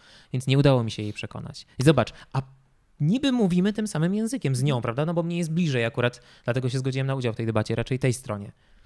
Tylko jak powiedziałeś, że mm, w głębi duszy wierzysz, że właściwie wierzy, że nam w głębi chodzi o to, e, o to samo, mhm to ja się zastanawiam, czy nam teoretycznie nie chodzi o to samo, ale rozumiemy te pojęcia w zupełnie inny sposób i to jest problem.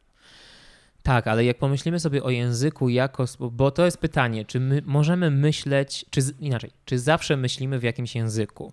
Czyli, czy język jest narzędziem naszego myślenia? Jeżeli tak, mhm. to super.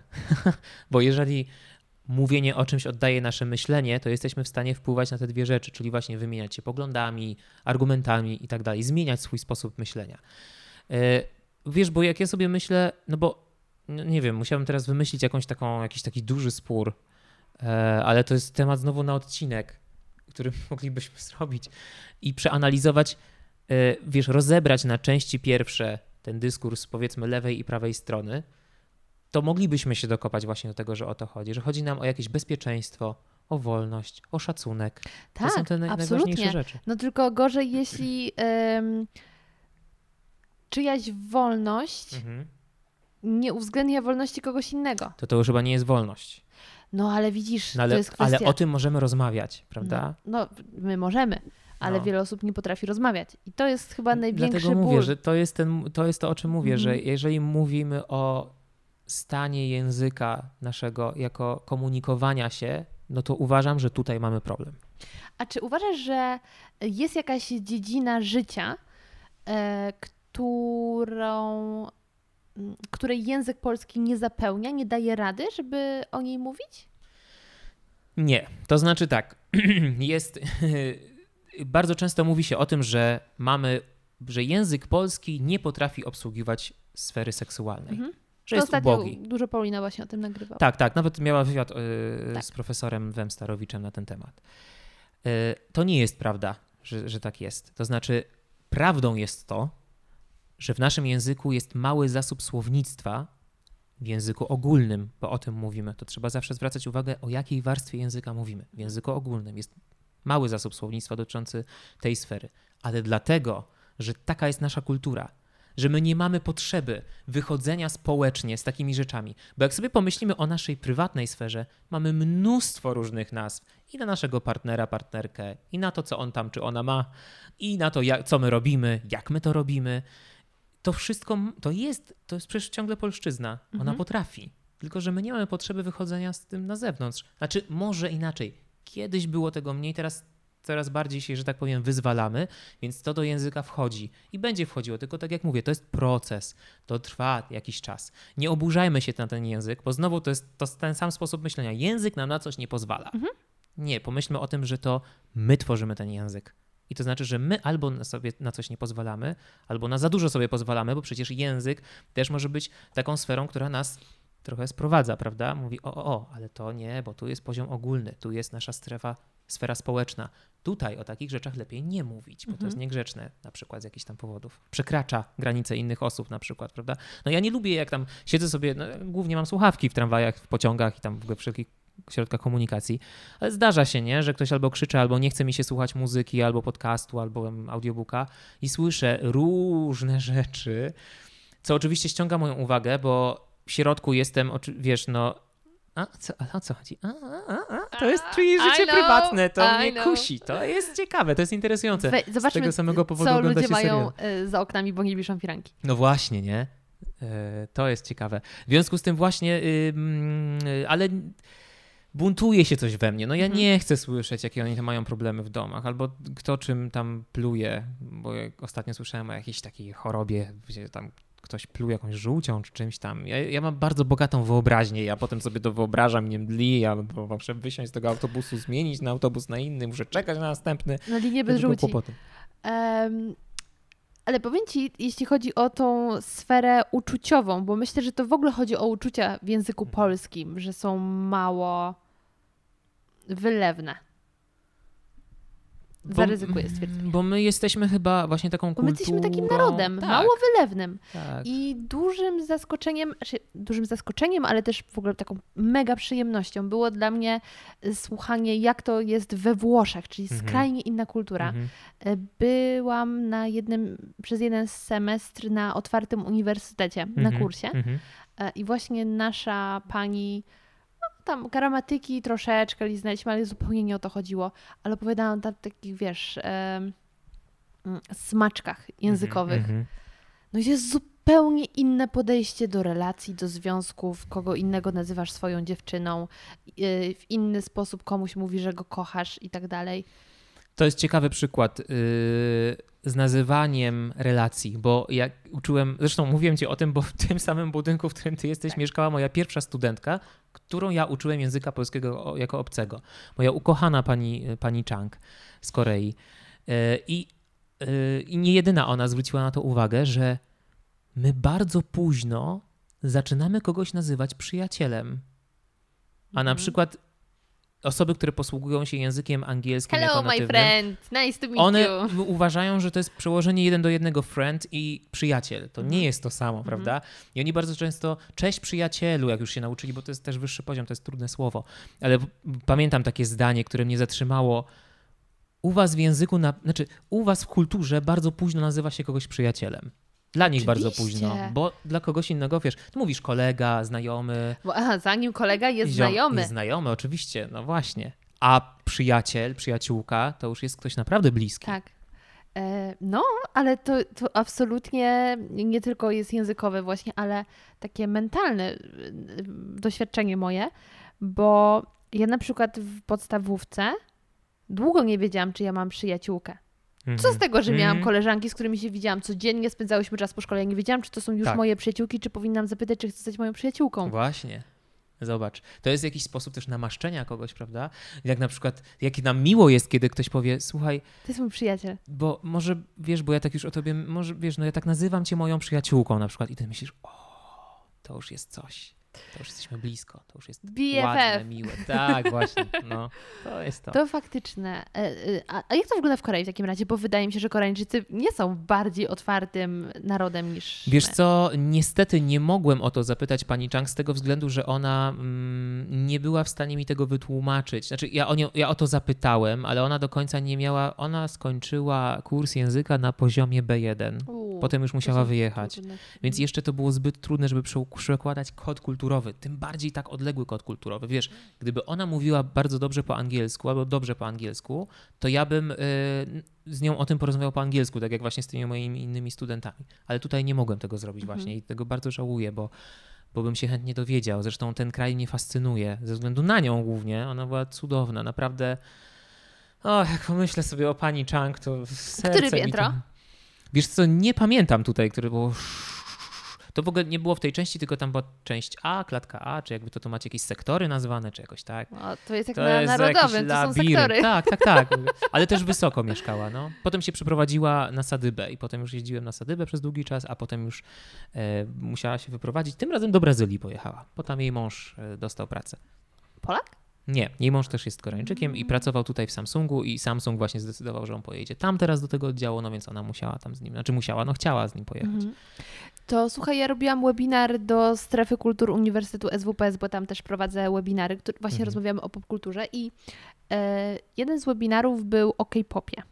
Mhm, mhm, E, mhm. I moim gościem była raz moja przyjaciółka, Klaudia Tyszkiewicz, która jest wielką K-popiarą i taką chyba jedną z bardziej Mhm. medialnych w Polsce. Oraz był e, kulturoznawca z SWPS-u, który prywatnie za żonę ma Koreankę. Mhm.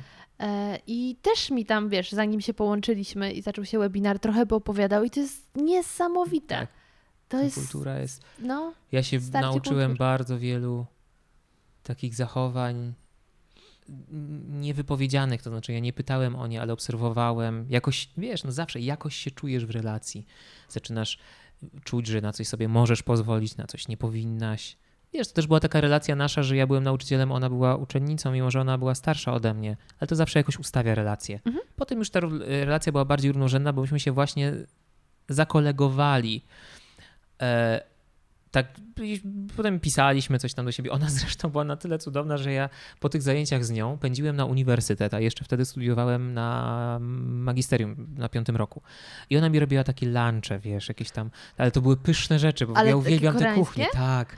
Ona to zawijała w takie piękne opakowania, jakieś takie w kształcie króliczków. Miała mi tak zwane mają- lunchboxy w ogóle. tak, No. oni mają całą tą kulturę Tak. robienia takich pięknych A ona jeszcze gotowała pudełek. genialnie. O kurczę, ja naprawdę za tym Już nie masz tęsknię. takich studentów, co? Nie, nie, niestety inny już student mi nie gotował. Zupki chińskie na drogę. Dała mi raz taką zupkę chińską, koreańską, która miała napis extra hot. I ona mówi tak, uważaj, bo to jest naprawdę ostre. Ja mówię, przestań. So hot. Przecież ja rozumiem, że tam jest napisane extra hot i jest taki kurczaczek z ogniem lecącym mu z dzioba, no ale przecież ludzie to jakoś muszą zjeść. No więc ja, Ale wiesz, jedzą tylko raz. Właśnie, jak się okazało. Słuchaj, ja wziąłem tylko łyżkę. O.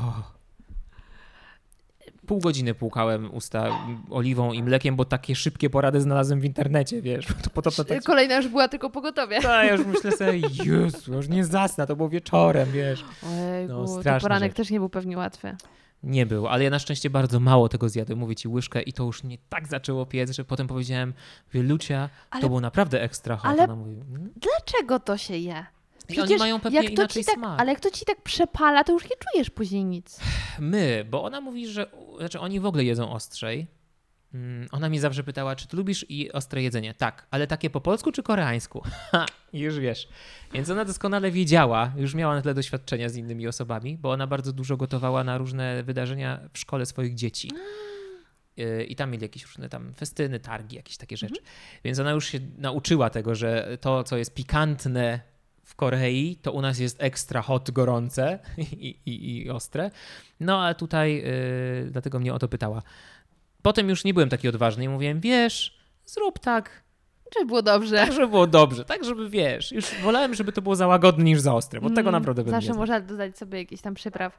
Ale Tak. a propos tego, żeby było dobrze, to jest właśnie cytat z mojego ukochanego filmu Kariera Nikosiadyzmy. Mhm. Bo trzeba zrobić tak, żeby było dobrze. I to jest takie Nie. Tak. rozwiązane. Ale wiesz co, jeszcze przypomniała mi się jedna rzecz, która jakoś połączyła język polski z koreańskim, dlatego że na początku uczenia studentów są takie podstawowe zwroty, na przykład co u ciebie słychać albo jak, się masz. Tak. Chociaż Mówi, jak się masz tak, i pani Chang ulubioną odpowiedzią, nawet jeżeli nie była zgodna z, z, prawdą, to Mhm. mówiła jako tako. To jest I to było najbardziej piękne. azjatyckie powiedzenie po Ale polsku. zobacz, jakie polskie, prawda? Tak, Bo po, my Polacy tako. mamy tendencję. A poza tym właśnie brzmieniowo jej to pasowało. I nawet jak się czuła dobrze, to ona mówiła zawsze tak, jako tako. Dobrze.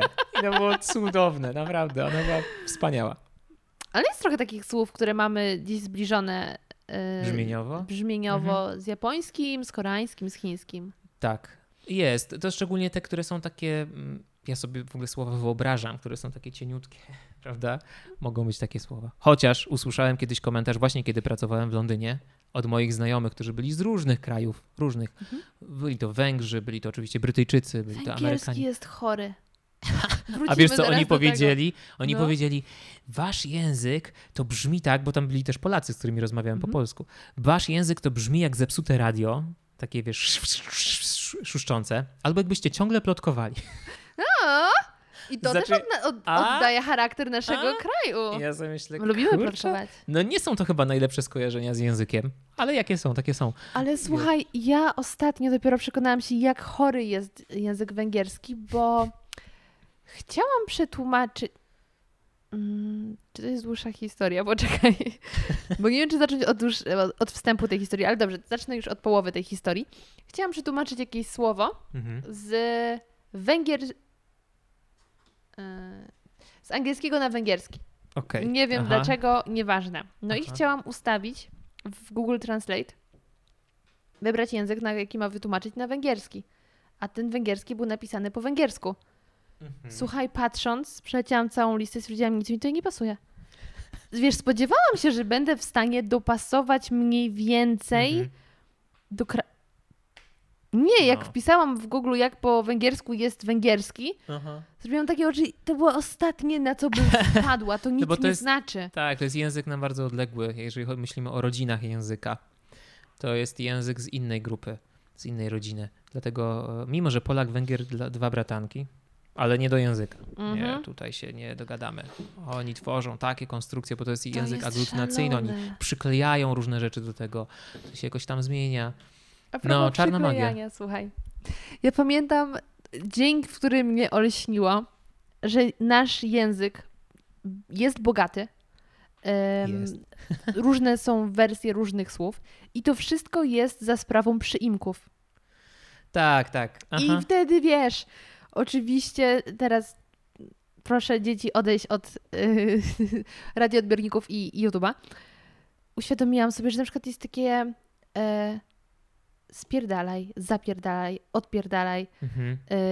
yy, wypierdalaj. Tak. I to wszystko jest tylko kwestia zmiany przyimków. To są te, te przedrostki takie, bo przyimki to by było Tak, coś innego. Tak, przedrostki. Mhm. N- tak, tak, to jest, zobacz, z jednego słowa, tak jak powiedziałaś, możemy zrobić Wszystko. n- wszystko, no, dużo innych i one znaczą coś innego. Przykurwić, zakurwić, jest- odkurwić. Wyku- To jest magia tego języka. To mi się bardzo podoba też w polszczyźnie rzeczywiście. Jak powiedziałam o tym moim znajomym, to oni też wszystko, wiesz, od początku odmiana każdego słowa. Mm. Czytać, odczytać, zaczytać, Wiesz, co jest wyczytać. jeszcze e, ciekawe doczytać. w języku? Ktoś kiedyś zwrócił mi na to uwagę. Któryś z profesorów Mhm. zwrócił uwagę nam na to, że słuchajcie, jest taka, nie wiem czy cząstka, mechanizm w języku, taki sposób, nie wiem jak to nazwać, e, że z każdego słowa możesz zrobić na przykład prawda srawda, stolik srolik, kwiatek sratek. I wyobraź sobie, no możesz, nie? Dzbanek sranek. Nie mam No. mikrofonu. Cokolwiek byś... Mikrofon, srafon. Można, no wszystko można z tego. To jest, To jaj. jest niesamowite, zobacz. Nie wiem, czy zrobię kiedyś o tym odcinek. Jakbym miał wnosić t- t- odcinek z Rinek, on jak się nazywa. I wtedy, I wtedy powiedziałbym o takiej właśnie cząstce, która jest w języku i która nam służy do tego. Trafiłbyś do y, YouTube Reveal. Na koniec roku byłbyś na pewno wspomniany. Najbardziej pochrzanione odcinki. Kiedyś mi powiedziano właśnie, bo ja nakręciłem taki odcinek, co ma wspólnego koronawirus z krzesłem i wiśnią. Mhm.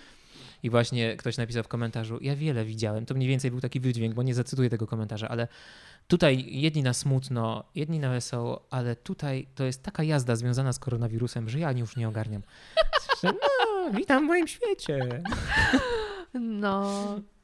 To wczoraj pracowałam nad materiałem zupełnie niezwiązanym z językiem polskim, poza tym, że posługiwałam się językiem polskim w tym materiale. No i nagle, opowiadając o Katowicach, Mhm, o Nikiszowcu, mhm, tak.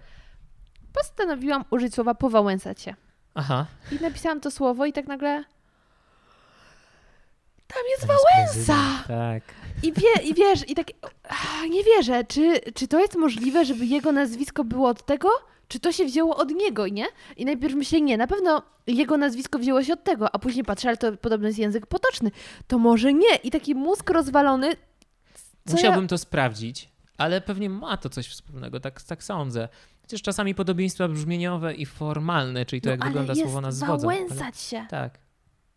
I wiesz, i już, już nie mogę wyjść z wrażenia. Pół godziny pracy poświęciłam na zastanawianie się nad tym. Jak to, tak, no I właśnie. później stwierdziłam, dobra, to już żeby tam nie komplikować, żebym później nie zastanawiała się nad tym słowem, użyję poszwędać. Mhm, Ja napisałam poszwędać i nagle podkreśla mi, że jest błąd. mhm. Co się dzieje, nie? Wpisuję w Google, pierwsza strona ze słownika, nie przez e, tylko przez en. Hmm. I nagle taki, co? A wiesz, wszystkie później wyszukiwania w kontekście Mhm, użytym mhm. artykułu jest przez e.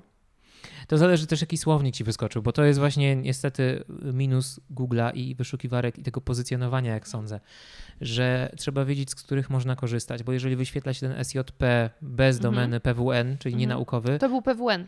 A to był PWN. To był PWN. I nagle skąd tam wzięło się Mhm. EN? Skąd? Ja też mam kilka takich właśnie. Bo moja mama dzisiaj mówi, może od Szwendobylskiego, ale ja myślę, że Szwendobylski wszędzie tam nie ma EN. To, nie wiem, trzeba to sprawdzić. Nigdy nie wpadłem też, żeby wpisywać to, na to, żeby wpisać akurat to słowo. Ale im Ale- dłużej patrzysz na słowo wałęsać się, powałęsać się, to stwierdzasz, że to nie ma sensu, to słowo. A później patrzysz na szwendać, poszwendać, stwierdzasz, że to też nie ma sensu. Ale to z słowo. każdym słowem zauważ, że w ogóle jest tak, że mówisz sobie na przykład tak arbuz, arbuz, arbuz, arbuz, arbuz i ono traci znaczenie. Mhm. To jest też ciekawe, co się dzieje w Watermelon naszym Sugar mózgu. High. No. Słyszałeś tę piosenkę? Nie. Watermelon Sugar, sugar A, High? tak, tak, tak. A tak, widziałeś Tak. teledysk? Nie. Nie, nie widziałem. Piosenkę Teraz Mówię ci, ja słucham Wszyscy to- zatrzymujecie ten podcast i oglądacie teledysk. Nie przy dzieciach. Dobra. Nietypowy sposób jedzenia arbuzów. Okej. Okej. No. A a propos Wałęsy, to wiesz, że jest kategoria wałęsizmów w języku? No te wszystkie nie chcę, ale muszę na przykład. To są tak zwane wałęsizmy. On tego bardzo wiele wprowadził do języka. Naprawdę to on? Tak. To my mu tak wiele zawdzięczamy jako naród. O, i, jak, i, I jako ci, którzy posługują się tym językiem. Tak, jest cała kategoria. Niesamowite. No. Teraz to już nie jest tak popularne. Nie chcę, ale muszę? Mhm. Absolutnie jest popularne. Ja tak No mówię. tak, tak, tak, ale to wiesz, przywołałem ten, który przyszedł mi jako pierwszy do A. głowy, czyli ten taki najbardziej popularny, Mhm. ale jest tego dużo. Można to sprawdzić, jak sobie wpiszesz w wyszukiwarkę wałęsizmy, to znajdziesz artykuły na ten temat nawet. Wspaniałość. No. Ekstra. Sprawdzę. Y, A czy ty miałeś jakąś ostatnio taką sytuację, która ci rozwaliła mózg i tak siedzisz i myślisz, jak mogłem na to wcześniej nie wpaść? Jak mogłem tego nie zauważyć? Hmm. Dużo jest takich momentów. Wiem, że jest dużo, tego pytamy o ostatni. Pewnie nawet był taki, kiedy tutaj jechałem, że, coś mi wpadło do głowy. Już nigdy nie masz spokojnego umysłu, nie? On ciągle coś mieli. Co mi ostatnio przyszło do głowy? Y, Pewnie będzie mi najłatwiej przypomnieć sobie to, co sobie zapisałem, ale nie, nie przypominam sobie teraz. Jak mi wpadnie coś, to ci powiem, ale nie, tego jest naprawdę dużo. Właśnie takich różnych skojarzeń. Co ja to ostatnio? To może ci się przypomni. Może mi się przypomni, tak. E, jeśli masz to na końcu języka, to Tak. wtedy ci się przypomni, jak zmienimy temat. Em, powiedz mi w takim razie, którą dziedzinę, jakbyś tak miał określić w tym momencie językową, która najbardziej cię interesuje? Bo ogólnie mówisz o komunikacji, Mhm. o, o tym, jak język wpływa na, na przykład na komunikaty. Ale czy jest jakaś taka konkretna dziedzina, która w tym momencie najbardziej cię rajcuje? Taki obszar językoznawstwa chyba Mhm. bardziej, prawda, niż języka. Y, To, co zawsze mnie interesowało, to etymologia, czyli pochodzenie wyrazów i zmiany semantyczne, czyli zmiany znaczeń wyrazów. To jest kopalnia właśnie takich momentów, kiedy "O, ja na to nie wpadłem, przecież to jest takie oczywiste. Dlaczego tak... Czemu mój mózg nie połączył tych kropek wcześniej? Czasami jest mi wstyd, ale raczej się tym rajcuję. Znaczy tak wiesz, to mnie kręci bardzo. Chciałbym więcej takich odcinków na moim kanale. Czasami jest tak, że ja. Yy, moja przyjaciółka powiedziała mi, że wiesz co, kiedy robisz takie odcinki o etymologii, to ja się muszę bardzo skupić, bo ty mówisz dosyć szybko o tym, a ja, jako ta, która nie jestem tym tak biegła, muszę to obejrzeć dwa razy. Mhm. Ja myślę sobie, no dobrze, ty chcesz to obejrzeć dwa razy, masz na to czas, jesteśmy przyjaciółmi, więc robisz to też, bo mnie lubisz. Ale pewnie są tacy, którzy wcale nie mają takiego podejścia, już tego nie obejrzą drugi raz. A ja dzisiaj Dlatego oglądałam któryś muszę- dwa razy. Właśnie w zasadzie chyba się na chwilę wyłączyłam. Cofnij taśma. No. No, więc y, muszę popracować też na tym, żeby o tym mówić jakoś tak Ale wiesz, przystępniej. ja nie wiem na ile to jest kwestia przystępności, a na ile to jest taki temat, że po prostu się musisz skupić. A często Mhm. właśnie włączasz film na zasadzie leci obok, będziesz słuchał, zajmiesz się czymś innym. To prawda, dlatego że jeżeli myślimy o zmianach znaczeniowych, to to jest naprawdę to, tak jak mówisz, trzeba, to trzeba skupienia. Mhm. Trzeba śledzić te zmiany, myśleć o nich, trzeba też łączyć pewne rzeczy, a to, jest- to jest wysiłek, to jest duży wysiłek, tak, to prawda. Mhm. Wiesz, bo właściwie w takim pięciominutowym filmie streszczam kilka wieków zmian, nie? Więc to, Good job. to, to nie jest łatwe w odbiorze, ani w nadawaniu. Prawda. No. A w, jakim, w jaką stronę uważasz w tym momencie zmierza język polski? To jest takie bardzo ogólne pytanie. Takie idealne, żebyś mógł się rozwinąć.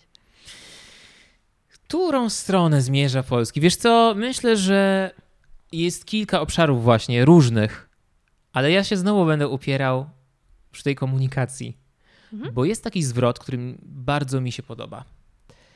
Dlatego, że myślałem, bo, bo na co się uskarżają ludzie, nie tylko językoznawcy, ale w ogóle na to, że tak wszystko pędzi, że to jest ta tendencja do ekonomizacji wysiłku. Tak. My mówimy coraz krócej, my y, odbieramy też coraz krócej, to znaczy mamy krótszy czas możliwy do skupienia się. Ale zobacz, co się dzieje właśnie na YouTubie i w podcastach. To jest super sprawa, Mhm. bo okazuje się, że my mamy głód opowieści, że w nas siedzi ta potrzeba słuchania innych osób, mówienia do innych osób. Mamy z tego przyjemność i są badania, które dowodzą właśnie tego, że, e, że to jest przyjemne dla mózgu słuchać różnych opowieści. Zresztą coś, co mnie przyświeca i co jest, trochę będzie teraz uwaga górno-chmurno-lotnie, ale profesor Maria Janion powiedziała kiedyś, że podstawą humanistyki jest opowieść. Ja sobie myślę o tym, że w ogóle podstawą bycia człowiekiem jest opowieść, bo zobacz, że dopiero w momencie opowiadania zaczynasz słyszeć te rzeczy, które do siebie mówisz, czujesz reakcję drugiej osoby, ubierasz to w słowa, a to ci się porządkuje. Na czym polega I psychoterapia? To jest pojawiają opowieść. się emocje. I pojawiają się emocje. emocje sprawiają, że zapamiętujemy i tworzą się relacje i Tak. właściwie wszystko się skupia na I dlatego uważam, że jeżeli. e, Bo, bo na czym nam zależy? Zależy nam na tym, żeby inni nas zrozumieli i żeby w jakiś sposób zaspokajali nasze potrzeby, żebyśmy my komunikowali nasze potrzeby. To jest nasz napęd jakiś tam życiowy. Teraz, jak to masz zrobić, jeżeli jesteś nieświadomo, nieświadoma językowo, jeżeli masz ograniczony zasób słownictwa, jeżeli masz właśnie ten język, czyli środek wyrazu podstawowy ograniczony? Dlaczego cię to tak bardzo frustruje, że tego nie możesz powiedzieć? Są rzeczy niewyrażalne, do których pewnie nigdy nie dotrzemy do wyrażenia tego. Ale wiesz, dlatego ja tak lubię język, bo im więcej poznaję języka, tym więcej wiem o sobie, tym więcej wiem o drugim człowieku, tym więcej jestem w stanie dowiedzieć się o drugim człowieku i o sobie. I to mnie tak kręci, że ja po prostu mam ciary, kiedy o tym myślę, że opowieść jest podstawą wszystkiego. Tutaj pojawiły e, mi się dwa wątki. Po pierwsze, no, storytelling naprawdę jest Tak. bardzo popularnym Tak. hasłem w ostatnich latach i budowanie komunikacji na opowieściach to jest podstawa teraz sukcesu. E, A druga rzecz mm, to czy. Aha. e, Powiedziałeś, że frustruje nas, kiedy nie jesteśmy w stanie czegoś zakomunikować, wyrazić, e, wypowiedzieć się. No i to jest chyba wielki nasz problem, kiedy jedziemy za granicę i chcemy coś powiedzieć, nie jesteśmy w stanie, bo no, mówimy po raz setny coraz wolniej polskie słowo, a ten ktoś nie rozumie, nie wiadomo dlaczego. Tak. I tutaj się frustrujemy absolutnie, a jak jesteśmy na rodzimej ziemi, to nie korzystamy z tego. Unikamy rozmów, nie wdajemy się w jakieś e, small talki, w cudzysłowie, bo w polski small talk nie jest e, angielskim czy Mhm, amerykańskim mhm. small talkiem, ale unikamy nawet kontaktu wzrokowego, żeby tylko nikt się nie odezwał. I ja wiem, że to jest poniekąd e, warunkowane kulturowo, Mhm. takie mamy społeczeństwo, no ale to już pogadaj chociaż z bliskimi. A tutaj też to leży. No tak. To pewnie zależne jest od tego od człowieka. Niektórych leży, u których, niektórych nie, od tematu. Niektórzy wolą rozmawiać na taki temat, niektórzy na inny. Ale, Ale- fajnie, jakbyśmy więcej ze sobą rozmawiali. Tak, to prawda. Ale ja wiem, o czym mówisz, jeżeli chodzi o niemożność wyrażania siebie w obcym języku. Wtedy, kiedy mieszkałem w Londynie, angielski mam całkiem dobrze opanowany. Mhm. Może to nie są wyżyny, to, to, to nie, nie powiedziałbym. Na przykład język angielski naukowy jest dla mnie wciąż problemem, bo to jest bardzo trudny język. Ale tam, wiesz co, ja miałem problem z tym, żeby się zaangażować w relacje z kimś, z którym nie mogę porozmawiać po polsku. Stworzyć związek, a taki mi się tam przydarzył. Ja, Mhm. ja ciągle cierpiałem, że ja, ja czułem, że ja nie jestem do końca sobą w tym języku. Że ja nie umiem tego tak powiedzieć. Tych wszystkich odcieni. Ja w języku polskim tak o sobie myślę, jestem raczej sprawny. I tutaj naprawdę potrafię właśnie wycieniować pewne rzeczy, precyzyjniej się wyrazić. Nawet jeżeli ma być dużo słów, żeby to uściślić, to mogę. A tutaj mam skończoność jakąś. I to mnie tak denerwowało. Jezu, I tak mnie to bolało, że ja mówisz. po prostu, wiesz co, czasami się już tak siedziałem i po Mhm. prostu mówię, ja muszę iść spać, już dzisiaj nie porozmawiamy, bo ja już nie dam rady. Mhm. I, ale o co ci chodziło? Nie wiem, już sam nie wiem o co mi chodziło, jak się z tym prześpię i może mi się to w głowie poukłada, to ja to powiem, bo to były właśnie takie niuanse. Bo takie podstawowe rzeczy powiesz, ale te niuanse są najważniejsze. Ale właśnie jak wspomniałeś o związku, to ja na przykład zawsze sobie myślę, że super jest być w związku z obcokrajowcem. Mega mi się to podoba, jak ludzie są z różnych krajów i są razem. Ale jak wyobrażam sobie, że ja miałabym być i ta druga osoba nie znałaby języka polskiego, to już mnie to przeraża, bo to nawet Mhm. nie jest kwestia, że ja nie znam angielskiego. Znam na tyle, żeby się dogadać, ale ta niemożność wyrażenia właśnie tego, co czuję, co myślę, a że jestem gadułą, to chciałabym powiedzieć jak najwięcej, a nagle jest takie... I Nieważne. rezygnujesz, nie? I właśnie Mhm. to jest to, że język emocji właśnie temu towarzyszy. To jest najtrudniejsza sfera. Były takie badania prowadzone właśnie, które e, pokazują, że posługując się językiem obcym za granicą, albo na przykład w kontakcie z partnerem czy partnerką, którzy są, którzy posługują się nie językiem polskim, my, jeżeli jesteśmy wzburzeni i wściekli, przeklinamy po polsku. Jest taka książka, niedawno wyszła, charakter wydał, cudowna książka, Mhm. Jagody Ratajczak, Języczni, czyli co robi język naszej głowie, czy co język robi naszej głowie, nie wiem, może przekręciłem. Czekaj, czekaj, a nie, to... Z czerwoną taką okładką, z takim jęzorem wywalonym, z czarną kropką. No, no. Świetna książka. O psycholingwistyce, to jest też co, to jest coś, co mnie kręci. Wracając do twojego pytania o to, jakie dziedziny językoznawstwa są dla mnie takie rajcujące, to właśnie to jest, to Muszę jest to. Polecam wszystkim, naprawdę. I to, jest, I to jest książka popularno-naukowa, która jest zrobiona porządnie, bo na końcu jest bibliografia, więc tam są konkretne badania, artykuły. No to jest naprawdę kawał dobrej roboty. Mhm. Szapoba. Ja się z Jagoną znam prywatnie, poznaliśmy się kiedyś na takim, bo ona jest tłumaczką, a ja prowadziłem kiedyś taki wykład dla tłumaczy tutaj w Warszawie. Tam żeśmy się poznali, ona jeszcze nie wydała tej książki wtedy. Zaraz słońce zajdzie. Zaraz się wygasimy. Zmusza nas do tego rzeczywiście, Rozmowy żebyśmy już nocą. skończyli. Także dobra, kończę. Polecam tę książkę, naprawdę. Nie, nie, nie, nie kończ. W sensie, jaki problem ze światłem? Nie ma problemu ze światłem. Em, ale to jest jedno z pytań, które wcześniej myślałam, jak y, zanim przyszedłeś, że ci zadam. Czy twoim zdaniem mm, język, w którym się porozumiewamy, którego używamy w danym momencie, wpływa na nasz charakter? Ale wydaje mi się, że to jest najlepsza odpowiedź, że tak, że my posługując się innym językiem jesteśmy też trochę inni. Y, ta, tak.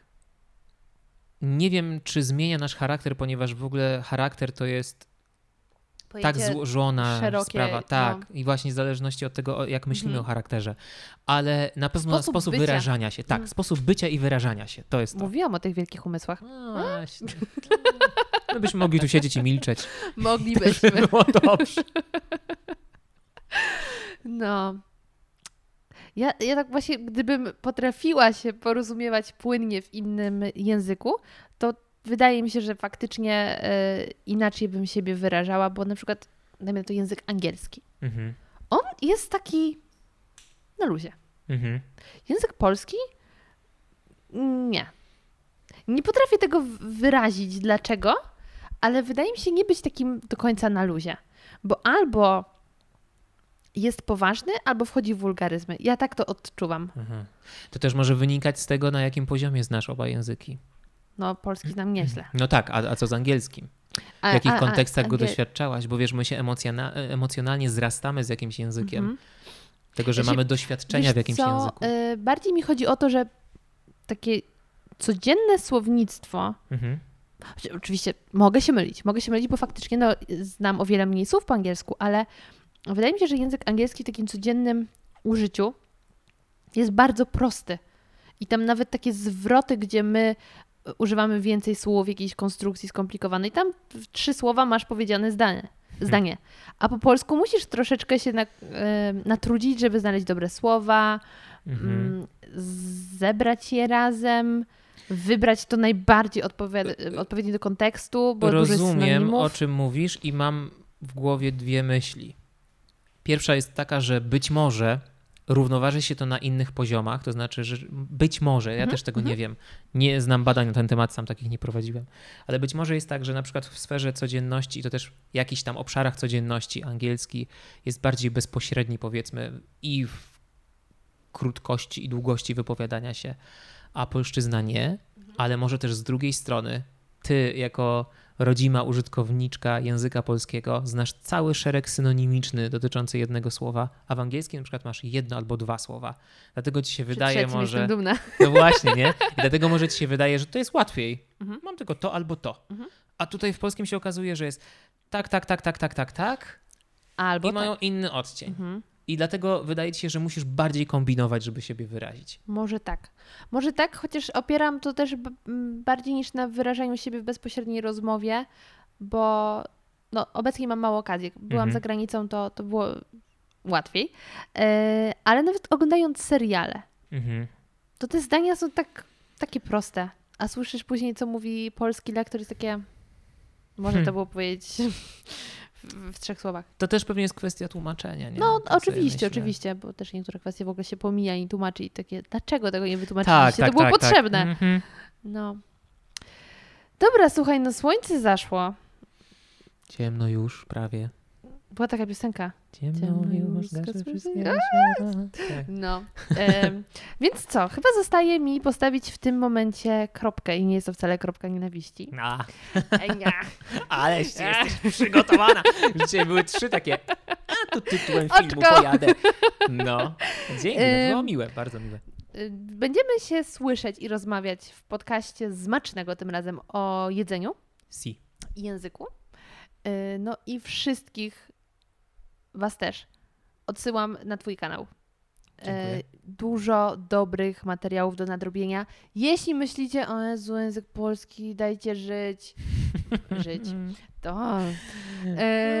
Nie, no to ja powiem tak, bo to jest ten moment, kiedy uświadamiacie sobie, że faktycznie język wchodzi na wiele dziedzin życia mm, i i ja się bawię z każdym odcinkiem. Bardzo się cieszę. Mateusz bawi i uczy. Ba, to jeszcze a propos życia, to może was zachęcę do tego, że jednym z pytań, na które odpowiadam, jest to, czy byt i odbyt mają coś wspólnego. Tak, tak, to, To było. dotyczy życia. E, ja nawet miałam taki jakiś e, taki dzień, że sobie myślę, kurczę, byt, niebyt, odbyt.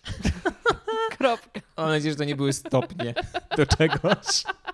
Nie, to było życie, po prostu nie, No tak. byt, niebyt, odbyt. Dobrze, język polski wspaniały jest, a ty jeszcze lepiej o nim opowiadasz, niż on faktycznie na to zasługuje. Także bardzo A, ci dziękuję. dziękuję. Dziękuję ci również. I to wszystko, co dzisiaj dla Was przygotowałam. Pamiętajcie, że znajdziecie mnie na Instagramie zmaczne.go, a także na Facebooku Małgosia Zmaczyńska Podcasty. Liczba mnoga, ponieważ prowadzę jeszcze jeden podcast, podcast kulinarny Zmacznego. A jeśli chcielibyście dołączyć do grona osób, które wspierają kanał, to serdecznie zapraszam Was na Patronite'a patronite.pl ukośnik Zmacznego. Dziękuję serdecznie i do usłyszenia już niedługo.